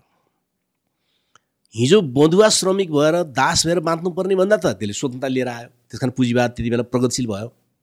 तर त्यसले प्रतिनिधिले शासन गर्ने जो डिजाइन लिएर आयो नि त्यो किन लिएर आयो त? भनेदेखि क्वाइनले सबै चिजको प्रतिनिधित्व गर्यो। ठिक त्यसरी नै उसले विचारमा राजनीतिमा लिएर आउँदाखेरि उसले के गर्यो त भन्दाखेरि चाहिँ प्रतिनिधिले पनि सबै चिजको सबैको प्रतिनिधित्व गरिदिन सक्छ व्यक्तिले। भन्ने सिद्धान्त लिएर आयो। जबकि त्यहीँनिर गडबड थियो। क्वाइनले त वस्तुहरूको प्रतिनिधित्व गरे हो। मान्छेको भावनाको प्रतिनिधित्व गरे त होइन नि। तर उसले सिद्धान्त राजनीतिमा सिद्धान्त के लिएर आयो त भने मानिसहरूको स्वार्थ र सरोकारको पनि प्रतिनिधित्व सम्भव छ भन्ने विचार लिएर आयो पुँजीवादले। होइन? उसले त्यस्तो त्यस्तो विचार किन लिएर आयो त? भन्दाखेरि पुँजीपति वर्ग त थोरै थियो। थोरै थियो किसान र मजदुर त बहुसङ्ख्यक थियो। अब बहुसङ्ख्यकले शासन गर्ने व्यवस्था लिएर आयो भने त पुँजीपतिले कसरी शासन गर्थ्यो त? गर्न सक्दैन थियो नि त। त्यस कारण थोरै मान्छेले धेरै मान्छेमाथि शासन गर्ने मोडल चाहियो क्या उसलाई। त्यस कारण उसले के लिएर आयो त भने प्रतिनिधिहरूले शासन गर्ने व्यवस्था भनेर लिएर आयो। जसलाई उसले महान लोकतन्त्र भन्यो। होइन? त्यसमा प्रतिनिधिले शासन गर्ने भन्ने दार्शनिकी नै गलत छ। प्रतिनिधिहरूले प्रतिनिधित्व भनेको चाहिँ विचारको सम्भव छ। तपाईँले राम्रो विचार बोक्नुहुन्छ भने त्यो विचार मैले बोक्न सक्छु। विचारको प्रतिनिधित्व सम्भव छ तर स्वार्थको प्रतिनिधित्व सम्भव छैन। सरोकारको प्रतिनिधित्व सम्भव छैन। होइन? जस्तो कि त्यसको उदाहरणको निम्ति मैले राख्ने गरेको छु। संसारमा एउटा मान्छे र अर्को मान्छे बिचको सम्बन्ध कसको सबभन्दा नजिकको हुन्छ? भन्यो भने भर्खर जन्मिएको बच्चा र आमाको बिचको सम्बन्ध सबभन्दा नजिकको हुन्छ। यही त हो। आमालाई मन परेको बेलामा यति धेरै स्तनपान गराइदिन्छ कि बान्ता गर्ने जस्तो गराइदिन्छ। होइन? माया गरे नि त। त्यो पनि हुन्छ। त्यो फर्माइसी त्यो पनि चल्छ। तर जब बच्चालाई ठ्याक्कै भोग लाग्छ नि त्यो बेलामा चाहिँ आमालाई थाहा हुन्न र बच्चाले रुनै पर्छ। आफ्नो सरोकार व्यक्त गर्नै पर्छ। भनेपछि सरोकार र स्वार्थको प्रतिनिधित्व सम्भव छ? सम्भव छैन। तर पुँजीवादले यस्तो दार्शनिकी लिएर आयो कि सबै चिजको प्रतिनिधित्व सम्भव छ भनेर लिएर आयो क्या। त्यो त्यो फर्जी कुरा थियो त्यो डरलाग्दो कुरा थियो। त्यस कारणले प्रतिनिधिले शासन गर्ने व्यवस्था भनेको पुँजीवाद हो। त्यो शोषणकारी नै हुन्छ। त्यस कारण शासन व्यवस्थाको कुरा गर्दा सबभन्दा पहिले प्रतिनिधिले शासन गर्न नपाउने प्रतिनिधिले केवल लागु मात्रै गर्ने व्यवस्थामा जानुपर्छ।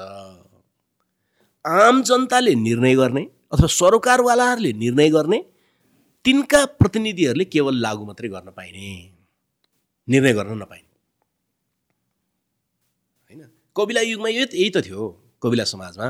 सबै कविलाका सदस्यहरू बसेर निर्णय गर्ने अनि त्यसको मुखियालाई चाहिँ लागु गर भन्ने। यही त थियो नि। डाइरेक्ट मतदानको क्या होइन? प्रत्यक्ष जनवाद। प्रत्यक्ष लोकतन्त्र भन्नुहोस् न त्यही त थियो नि। पुँजीवाद आएपछि नै हो यो प्रतिनिधिले शासन गर्ने भएको। हल्कारा जस्तो हुनु पऱ्यो प्रतिनिधि। चिठी खोल्न पनि नपाउने होइन? चिठीमा केरमेट गर्न पनि नपाउने चिठी लेख्नेले लेख्छ पाउनेले पाउँछ पुर्याउने काम मात्रै गर्ने। यदि प्रतिनिधिले शासन नगर्ने प्रतिनिधिले लागु मात्रै गर्ने व्यवस्थामा गयो भने मात्रै अनि बल्ल समाजले निर्णय गर्न पाउँछ। समाजले। समाजले निर्णय गर्न पाउने मोडेलमा व्यवस्था निर्माण नगरेसम्म यो परिस्थिति कहिले पनि सुध्रिँदैन। कहिले पनि। त्यस कारण हामीले नयाँ समाजवाद मात्रै भन्ने पुग्दैन। त्यस कारण मैले त्यही त भन्ने गरेको मान्छेले जसले नै समाजवाद भनिदिएका छन् गफाडी कुरा गरेका छन् हिँडेका छन् कस्तो समाजवाद थाहा छैन के पनि थाहा छैन रुसको जस्तो समाजवाद भने त्यो ढलिहाल्यो। होइन? सच्चा कम्युनिस्टै हुनु भने पनि अब त्यस्तो समाजवाद बनाउनु हुन्छ त ढल्ने समाजवाद? हुँदैन नि। होइन? अन्त त समाजवाद कहीँ आएकै छैन। आउने कुरै छैन आउने समाजवादै थिएन त्यो कहीँ पनि। त्यस कारणले गर्दाखेरि चाहिँ समाजवाद भनिदिएको छ हिँडेको छ मान्छेलाई ठग्दै हिँडेको छ। मुसोलिनीले पनि समाजवाद हिटलरले पनि समाजवाद होइन? इन्दिरा गान्धी नि समाजवाद ओ अरबमा समाज अरब समाजवाद पनि भन्छन् कि कतिपय त होइन? अनेक अनेकका समाज त्यस्तो कुरा गरेर हुँदैन। मोडेलमा जानु पऱ्यो जाँदाखेरि चाहिँ पुँजीवाद भनेको प्रतिनिधिहरूले शासन गर्ने व्यवस्था हो। समाजवाद भनेको सरोकारवाला समुदायले निर्णय गर्ने व्यवस्था हो। समुदायले निर्णय गर्ने प्रतिनिधि चाहिन्छ किनकि लाखजना मान्छे लागु गर्न जाने भन्ने हुँदैन। सङ्ख्याको अर्थ रहन्छ। त्यो थोरै मान्छे लागु गर्न जानु पऱ्यो होइन प्रतिनिधिले लागु मात्रै गर्न पाउने। प्रतिनिधिले लागु मात्रै गर्न पाउने भएपछि त्यो समाजको सेवक हुन्छ। अहिले चाहिँ प्रतिनिधिले निर्णय गर्न पाउने भएको हुनाले त्यो शासक हुन्छ। होइन? त्यो कम्युनिस्टले ल्याउने समाजवाद होस् कि त्यो चाहिँ पुँजीवादीले ल्याउँछु भने समाजवाद होस् प्रतिनिधिले शासन गरिसकेपछि त्यो समाजवाद हुँदैन। भए पनि त्यो ढल्छ। रुसमा ढलेको एउटा मुख्य कारण यही नै हो। पहिलो कुरा। होइन त्यो सिस्टममा जान सक्नु पऱ्यो हामी। होइन र स्वविवेक र स्वविवेक र हाइरार्की चाहिँ सकेसम्म कम हुने सिस्टममा जानु पऱ्यो जस्तो नेवार जातिभित्र गुठीको थकाली बन्ने बारे कहिले पनि झगडा हुँदैन। किन त्यहाँ स्वविवेक कुनै काम छैन। जो जेठो त्यही हो थकाली सिद्धि होइन? गुठीमा क्या जो जेठो त्यो थकाली। थकाली भनेको मुखिया। सिद्धो कुरा। कोही न कोही त पहिला जन्मेमा हुन्छ। त्यहाँ चुक्ली लगाउँला षड्यन्त्र गरौँला निर्वाचन गरौँला भन्ने कुनै चान्सै छैन। स्वविवेकको त्यहाँ कुनै चान्स छैन। त्यस कारण त्यहाँ कुनै झगडा छैन। गुठीमा कुनै झगडा छैन। अरू विषयमा झगडा होला। तर नेता कुचुन्नीमा झगडा हुँदैन नि। त्यस कारणले समाजवाद भनेको प्रतिनिधिले शासन गर्ने व्यवस्था होइन? जनसमुदायले निर्णय गर्ने प्रतिनिधिले केवल लागु मात्रै गर्ने। प्रतिनिधिहरू सेवक हुने निर्णयकर्ता हुन नपाउने। यस्तो हुनु पर्यो होइन? अर्को स्वविवेक र चाहिँ हाइरार्की चाहिँ सकेसम्म कम गर्दै जाने व्यवस्था हुनु पर्यो तेस्रो चाहिँ सम्पत्तिको राष्ट्रियकरण गर्न भएन। पुरानो समाजवादको समस्या के थियो भने सम्पत्तिको राष्ट्रियकरण गर्ने कुरा थियो। होइन? हो कहिलेकाहीँ लडाइँको समयमा खोज्ने चरणमा राष्ट्रले लिनुपर्ने हुन्छ राज्यले खोज्नुपर्ने हुनसक्छ होला त्यो अर्को कुरा। तर त्यसलाई सिद्धान्तै बनाइयो क्या। समाजवाद भने चाहिँ राष्ट्रियकरण गर्ने हो भन्ने हो।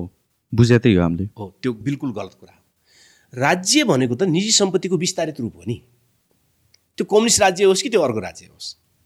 अनि त्यसैलाई सम्पत्ति लिएर बुझाइदिएपछि के हुन्छ त? ठुलो पैसापतिलाई झन् धेरै पैसा दिए जस्तो भयो नि त। कारण निजी सम्पत्ति बन्यो कहाँबाट? निजी सम्पत्ति सामूहिक सम्पत्ति टुक्राएर बन्यो त्यसो निजी सम्पत्तिको विपरीत राज्य होइन। निजी सम्पत्तिको विपरीत समुदाय हो।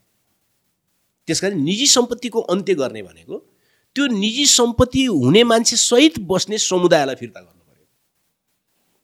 पृथ्वीको मालिक समुदाय हुनु पर्यो अथवा समाज हुनु पर्यो। राज्यले त्यस्तो व्यवस्था मिलाइदिनु पर्यो। राज्यले लिने होइन। त्यस्तो समाजवादतिर जानुपर्छ हामी। र यो कुरा पोसिबल छ होला अहिलेको सिनेरीमा इन द फ्युचर हुनैपर्छ अर्को के उपाय छ। अर्को उपाय भनौँ न। अर्को उपाय भनेको परमाणु बम पड्काउने सिद्धिने होइन? पुँजीको निम्ति लड्ने अनि परमाणु बम पड्काउने सबभन्दा पहिले गरिब राष्ट्रहरू मर्ने होइन? अनि त्यसपछि धनीहरू पनि सिद्धिने अरू के छ त विकल्प? ल यो पुँजीवादी कहाँ लाँदैछ त भन्नु त? हकिन्सले भने मान्ने हो भने कति सय वर्ष त हाम्रो आयु। यदि त्यता नजाने हो भने जतिसुकै कष्ट होस् तर त्यता नजाने हो भने हामी त सिद्धिने त। यो त वास्तवमा नयाँ पुस्ताको युवाको हृदयमा यो प्रश्न नआएर मात्रै हो नि। उसले बुझिरहेको छैन नि कुरा उसले। खत्तम हुँदैछ भन्ने कुरा थाहा नपाएर हो।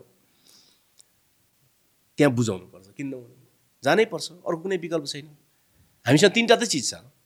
या त हामी वास्तविक समाजवादमा जानु पऱ्यो होइन? या त कुनै खगोलीय दुर्घटनाबाट पृथ्वी सिद्धिनु पऱ्यो या त हामीलाई पुँजीवादले सिद्धाइन्छ। यही होइन र कुरा। सबैलाई सबै सहमत छन् त यो कुरामा त? यो कुनै अनुमान कुरा होइन सबै सहमत छन्। किन विज्ञान भनेर चाहिँ यसले जे प्रयोग गरिराखेको छ पर्यावरण सिद्धाउँदै नै गइराखेको छ सिद्धाउँदै गइरहेको छ। यति धेरै लोभी छ मान्छे हजारौँ वर्षबाट बनेको निजगढ जङ्गल सिद्धाउन चाहन्छ क्या? स्वार्थ के त भने त्यो काठ बेच्ने अनि विदेशीले जसले लगानी गर्ने हुने छ त्यो लगानी गर्दा खोज्न पाइयो भने कमिसन खान पाइन्छ। त्यति हो। पोखरामा जस्तो बनेको विमानस्थल चलिरहेको छैन। त्यति सानो विमानस्थल होइन? अब गौतम बुद्ध विमानस्थलमा आउने कोही छैन। त्यति सानो विमानस्थल त्योभन्दा विशाल होइन? अनि यो दक्षिण एसियाको यो नेपालमा चाहिँ ट्रान्जिट गर्न किन आउने मान्छे? न समुद्र छ न के छ? थाइल्यान्ड त्यहाँ त्यत्रो छ हङकङ त्यहाँ त्यत्रो छ सिङ्गापुर त्यहाँ त्यत्रो छ इन्डिया नै त्यत्रो छ होइन? श्रीलङ्काले बनाएको त्यत्रो चाहिँ ऋण लिएर बनाएको चाहिँ रङ्ग विमानस्थल चाहिँ टाट पल्टिसक्यो कोही नआएर एउटा डुब्नुको कारण त्यो हो नि त श्रीलङ्काको होइन? सबै देखाएको छ तर यहाँको दलालहरूलाई के चाहिएको छ भने विदेशीहरूले जसले लगानी गर्छ त्यो लगानी गर्न आउँदाखेरि त दुई तिन पर्सेन्ट त कमिसन आउनेवाला छ। त्यो खान पाइन्छ। भोलि जेसीको होस् होइन?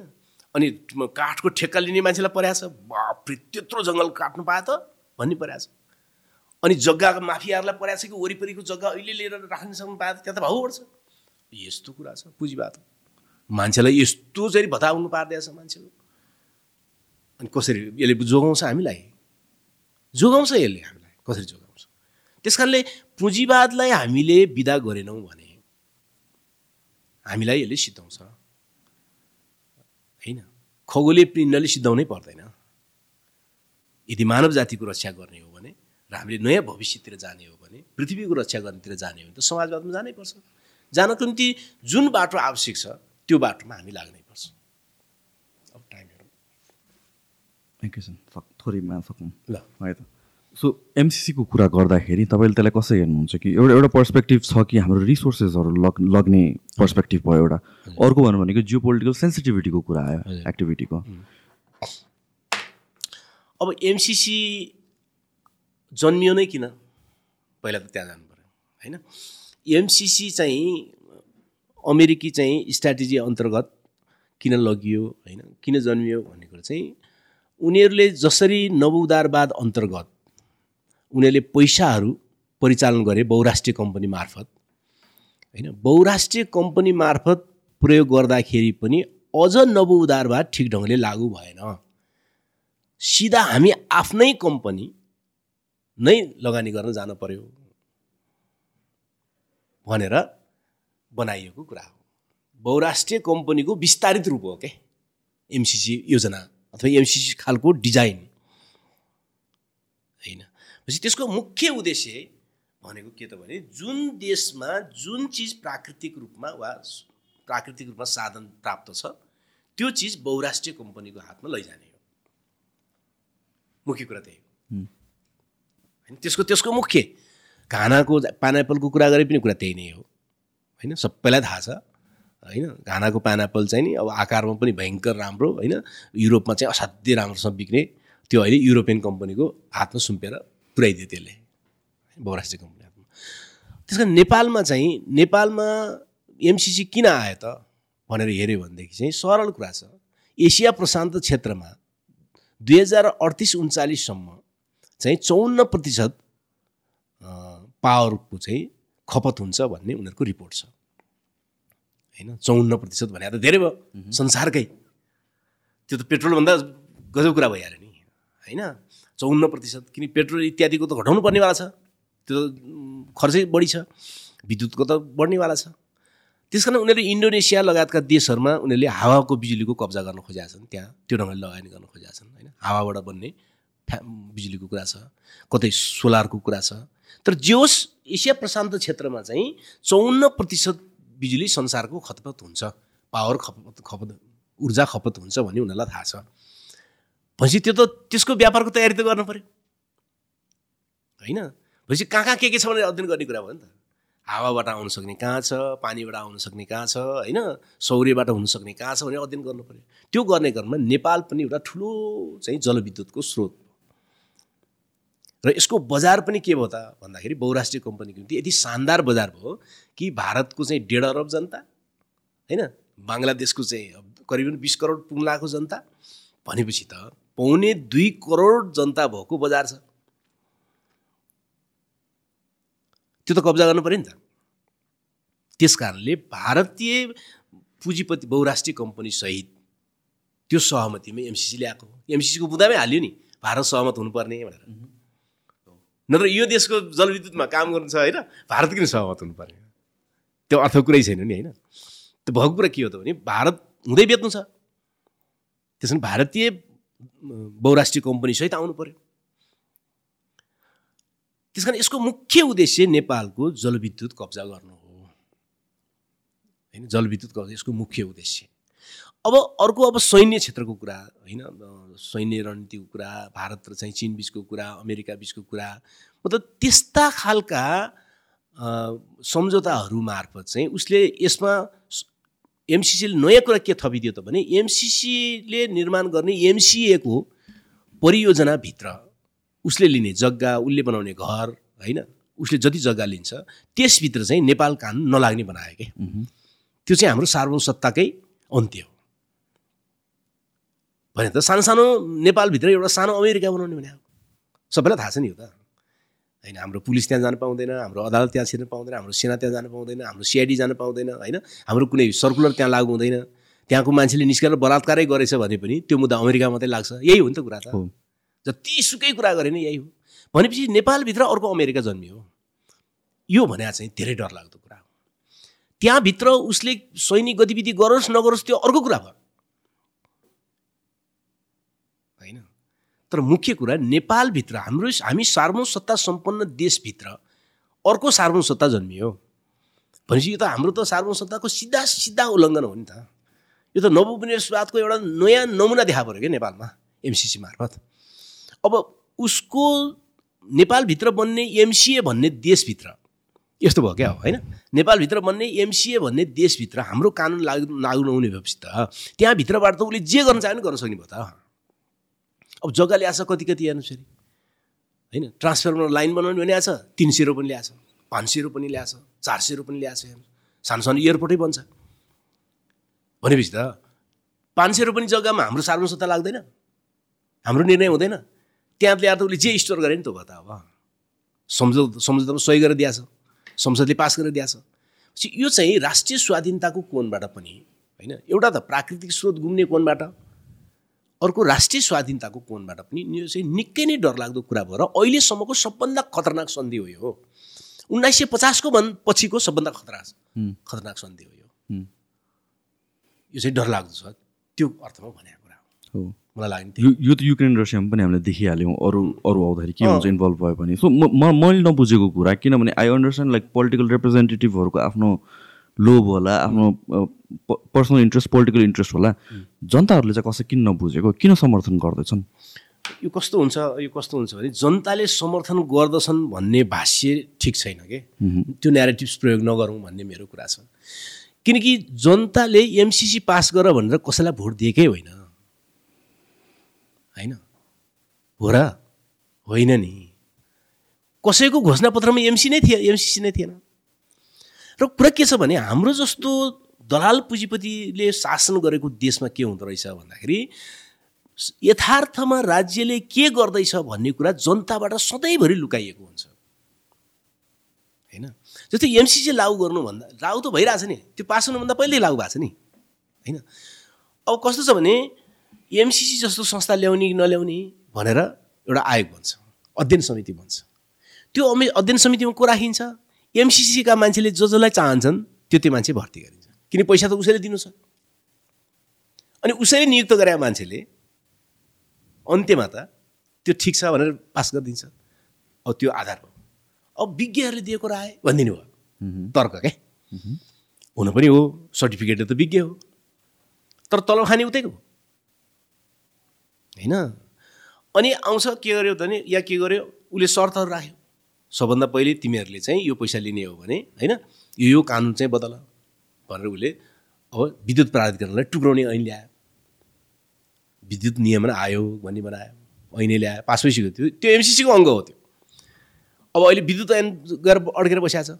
त्यो विद्युत ऐन पास हुने बित्तिकै के हुन्छ? भनेपछि अबदेखि निजी कम्पनीले पनि विद्युत उत्पादन गर्न पाउने मात्रै होइन कि व्यापार पनि गर्न पाउने भन्ने त्यहाँ तथ्य जसरी चाहिँ नेपाल टेलि नेपाल प्राधि सञ्चार यो टेलिकम बन्यो नि टेलिकम र प्राधिकरणलाई टुक्रा टुक्रा पारियो नि। त्यसै गरी अब विद्युत प्राधिकरणलाई पनि टुक्रा पार्ने हो। एउटा कम्पनी बनाउने एउटा नियमन आयोग बनाउने होइन? एउटा टेलिकम बनाउने अर्को प्राधिकरण बनाउने। प्राधिकरणको काम अनुगमन गर्ने टेलिकमको काम व्यापार गर्ने। टेलिकम कम्पनी भइसकेपछि बहुराष्ट्रिय कम्पनी पनि आउनु पायो अनि एनसेल आयो। यही भए त हो। अब ठिक त्यही हुन्छ। ऐन बनिसक्यो। विद्युत ऐन पास हुनु मात्रै बाँकी छ। विद्युत ऐन पास हुने बित्तिकै के हुन्छ? विद्युत प्राधिकरण एउटा नियमन आयोग जस्तो मात्रै हुन्छ। त्यसपछि अर्को विद्युत व्यापार गर्ने कम्पनी बन्छ। अनि विद्युत व्यापार गर्ने कम्पनीमा साउजीहरूले पनि लगानी गर्नु पर्ने पाउने भइसकेपछि बहुराष्ट्रिय कम्पनी पनि आउनु पाउने हुन्छ। होइन त? अनि बहुराष्ट्रिय कम्पनीहरू यहाँ आउँछन्। अनि मिटर जाँच जाँच्ने मान्छेदेखि लिएर सबै मान्छे उनीहरूले नियुक्त गर्छन्। यही त हो कुरा। त्यस कारणले गर्दाखेरि यो चाहिँ हाम्रो देश किनकि नेपालीहरूको ठुलो सपना थियो विद्युत एक दिन बन्ला होइन? त्यो भनेको उत्पादन हो। त्यसबाट हाम्रो जीवनमा के होला भन्ने एउटा भित्त सुसुप्त रूपमा जहिले पनि बाँचिरहेको सपना थियो क्या त्यो। त्यो पनि सिद्धाइदियो किन यो चाहिँ उन्नाइस सय पचास पछिको सबभन्दा डरलाग्दो सन्धि हो। ए हो। म एउटा लास्ट क्वेसन सोध्छु जानुभन्दा अगाडि है त। जुन तपाईँले यो पोलिटिकल सोसियल र इकोनोमिक स्ट्रक्चरको जुन कल्पना गर्नुभएको छ हजुर। त्यो त्यो इम्प्रुभमेन्टको बेसिसमा बन्न सक्छ कि कम्प्लिटली कोल्याप्स अफ सोसाइटी र रिस्ट्रक्चरिङ चाहिन्छ त्यसको लागि? दुइटै कुरा सँगसँगै हुनुपर्छ। दुइटै कुरा। आजभन्दा सय वर्ष अगाडिदेखिको सय वर्षको विभिन्न विद्रोह आन्दोलन क्रान्तिहरूलाई हेऱ्यो भने के देखिन्छ त भने पहिला सेन्ट्रल पावर कब्जा गर्ने होइन? त्यसपछि आफूले चाहेको जस्तो व्यवस्था बनाउने। त्यस्तो देखिन्छ। तपाईँ अक्टोबर रिभोल्युसनदेखि हेर्नुभयो भने वा तपाईँ चाहिँ भारतीय स्वतन्त्रता सङ्ग्रामदेखि हेर्नुभयो भने होइन चिनिया क्रान्तिदेखि हेर्नुभयो भने सबैतिर पहिला सेन्ट्रल पावर कब्जा गर्ने अनि बनाउने होइन त? तर अबको विश्वमा चाहिँ त्यो सम्भावना कम छ। किन? सेन्ट्रल पावरहरू चाहिँ के भयो त भने एकअर्कासँग गाँसियो होइन? सेन्ट्रल पावरहरू एकअर्कासँग गाँसिएको हुनाले बहुराष्ट्रिय कम्पनी मार्फत एकअर्कासँग गाँसिएको हुनाले अब एउटा देशको मात्रै सेन्ट्रल पावर कब्जा गर्ने भन्ने कुरा चाहिँ कम सम्भावनातिर जान्छ। त्यस कारणले अहिलेदेखि नै के गर्नुपर्ने हुन्छ त भन्दाखेरि सानो आकारबाट छुट्टै अर्थव्यवस्था सानो आकारबाट छुट्टै राजनीतिक हुकुम सानो आकारबाट छुट्टै सांस्कृतिक प्रणाली सहित समुदाय निर्माण गर्दै समाजवादको यात्रा सुरु गर्नुपर्ने हुन्छ। अब भनेपछि त्यो ध्वंस पनि हुन्छ त्यो सानो आकारमा निर्माण पनि सँगसँगै हुन्छ। होइन? आजसम्मको राजनीतिले के गरेको थियो? भन्दाखेरि दुईवटा कुरा भनेको थियो। मेरो दस्तावेज बोक होइन? र झन्डा बोक। अथवा किताब बोक र झन्डा बोक। झन्डा विद्रोहको निम्ति किताब विद्रोही ज्ञानको निम्ति। तर अबको समाजवादी राजनीतिले अर्को एउटा कुरा पनि थप्नुपर्छ। त्यो के त भने झन्डा बोक किताब बोक र अहिलेदेखि आत्मनिर्भर बन्ने यात्रा सुरु गर। किनकि आत्मनिर्भर हुन सकेन भनेदेखि हाम्रो जस्तो कुनै पनि देशको सार्वभौम सत्ता अब रहँदैन। खोलमा रहन्छ सारमा रहँदैन। र सत्ताबाट आत्मनिर्भर बन्ने यात्रा सुरु हुँदैन। किनकि दलाल पुँजीपतिहरूको शासन छ। त्यसका नागरिकहरू र श्रमिकहरू आफैले आत्मनिर्भर बन्ने यात्रा सुरु गर्नुपर्छ। त्यसको निम्ति उत्पादन प्रक्रियाबाट अगाडि बढ्नुपर्छ। सिङ्गो वैकल्पिक र समानान्तर अर्थतन्त्रसहित मात्रै अब हामी नयाँ समाजवादतिर जान सक्छौँ। त्यो हो नयाँ प्रक्रिया। आज युवा पङ्क्तिलाई भन्नुपर्ने बुझाउनु पर्ने उनीहरूले सबभन्दा बढी मथिङ्गल हचाउनु पर्ने के हुन्छ नि विदेश गएर पैसा लिएर आएर यो समाज कहिले बन्दैन। होइन? विदेश गएर आएर पैसा तपाईँले खर्च गर्न सक्नुहुन्छ ठिक छ। तर समाज बन्दैन। समाज यो समाजलाई बनाउने हो र यसको अस्तित्वलाई अगाडि लाने हो र न्यायपूर्ण समाज बनाउने हो भने हामी उत्पादनतिर जानुपर्छ आत्मनिर्भरतातिर जानुपर्छ दलाल पुँजीवादसँग कुनै पनि मूल्यको सङ्घर्ष गरेर यो समाजलाई आत्मनिर्भरतातिर लानुपर्छ। टोटल प्याकेजमा काम गर्नुपर्छ। त्यसमा एकचोटि पहिला ध्वस्त गर्ने अनि बनाउने भन्ने लाइन लागु अहिलेदेखि सूक्ष्म रूपबाट नै ध्वस्त पनि गर्दै जाने पुनर्निर्माण पनि गर्दै जाने। अहिलेदेखि दलाल पुँजीवादलाई कमजोर पनि पार्दै जाने अहिलेदेखि समाजवाद अभ्यास पनि गर्दै जाने। यो प्रक्रियामा हामी जानुपर्ने हुन्छ र नेपाली समाजको यात्रा त्यो प्रक्रियाको यात्रा सुरु भइसक्यो। मैले भन्ने अहिले यति हस् औतेजी धेरै धेरै धन्यवाद। थुप्रै क्वेसन्सहरू अझ बाँकी थियो तर होपफुली फर नेक्स्ट टाइम राखौँ है त। हस् हुन्छ थ्याङ्क यू सो मच तपाईँलाई पनि धन्यवाद। हस्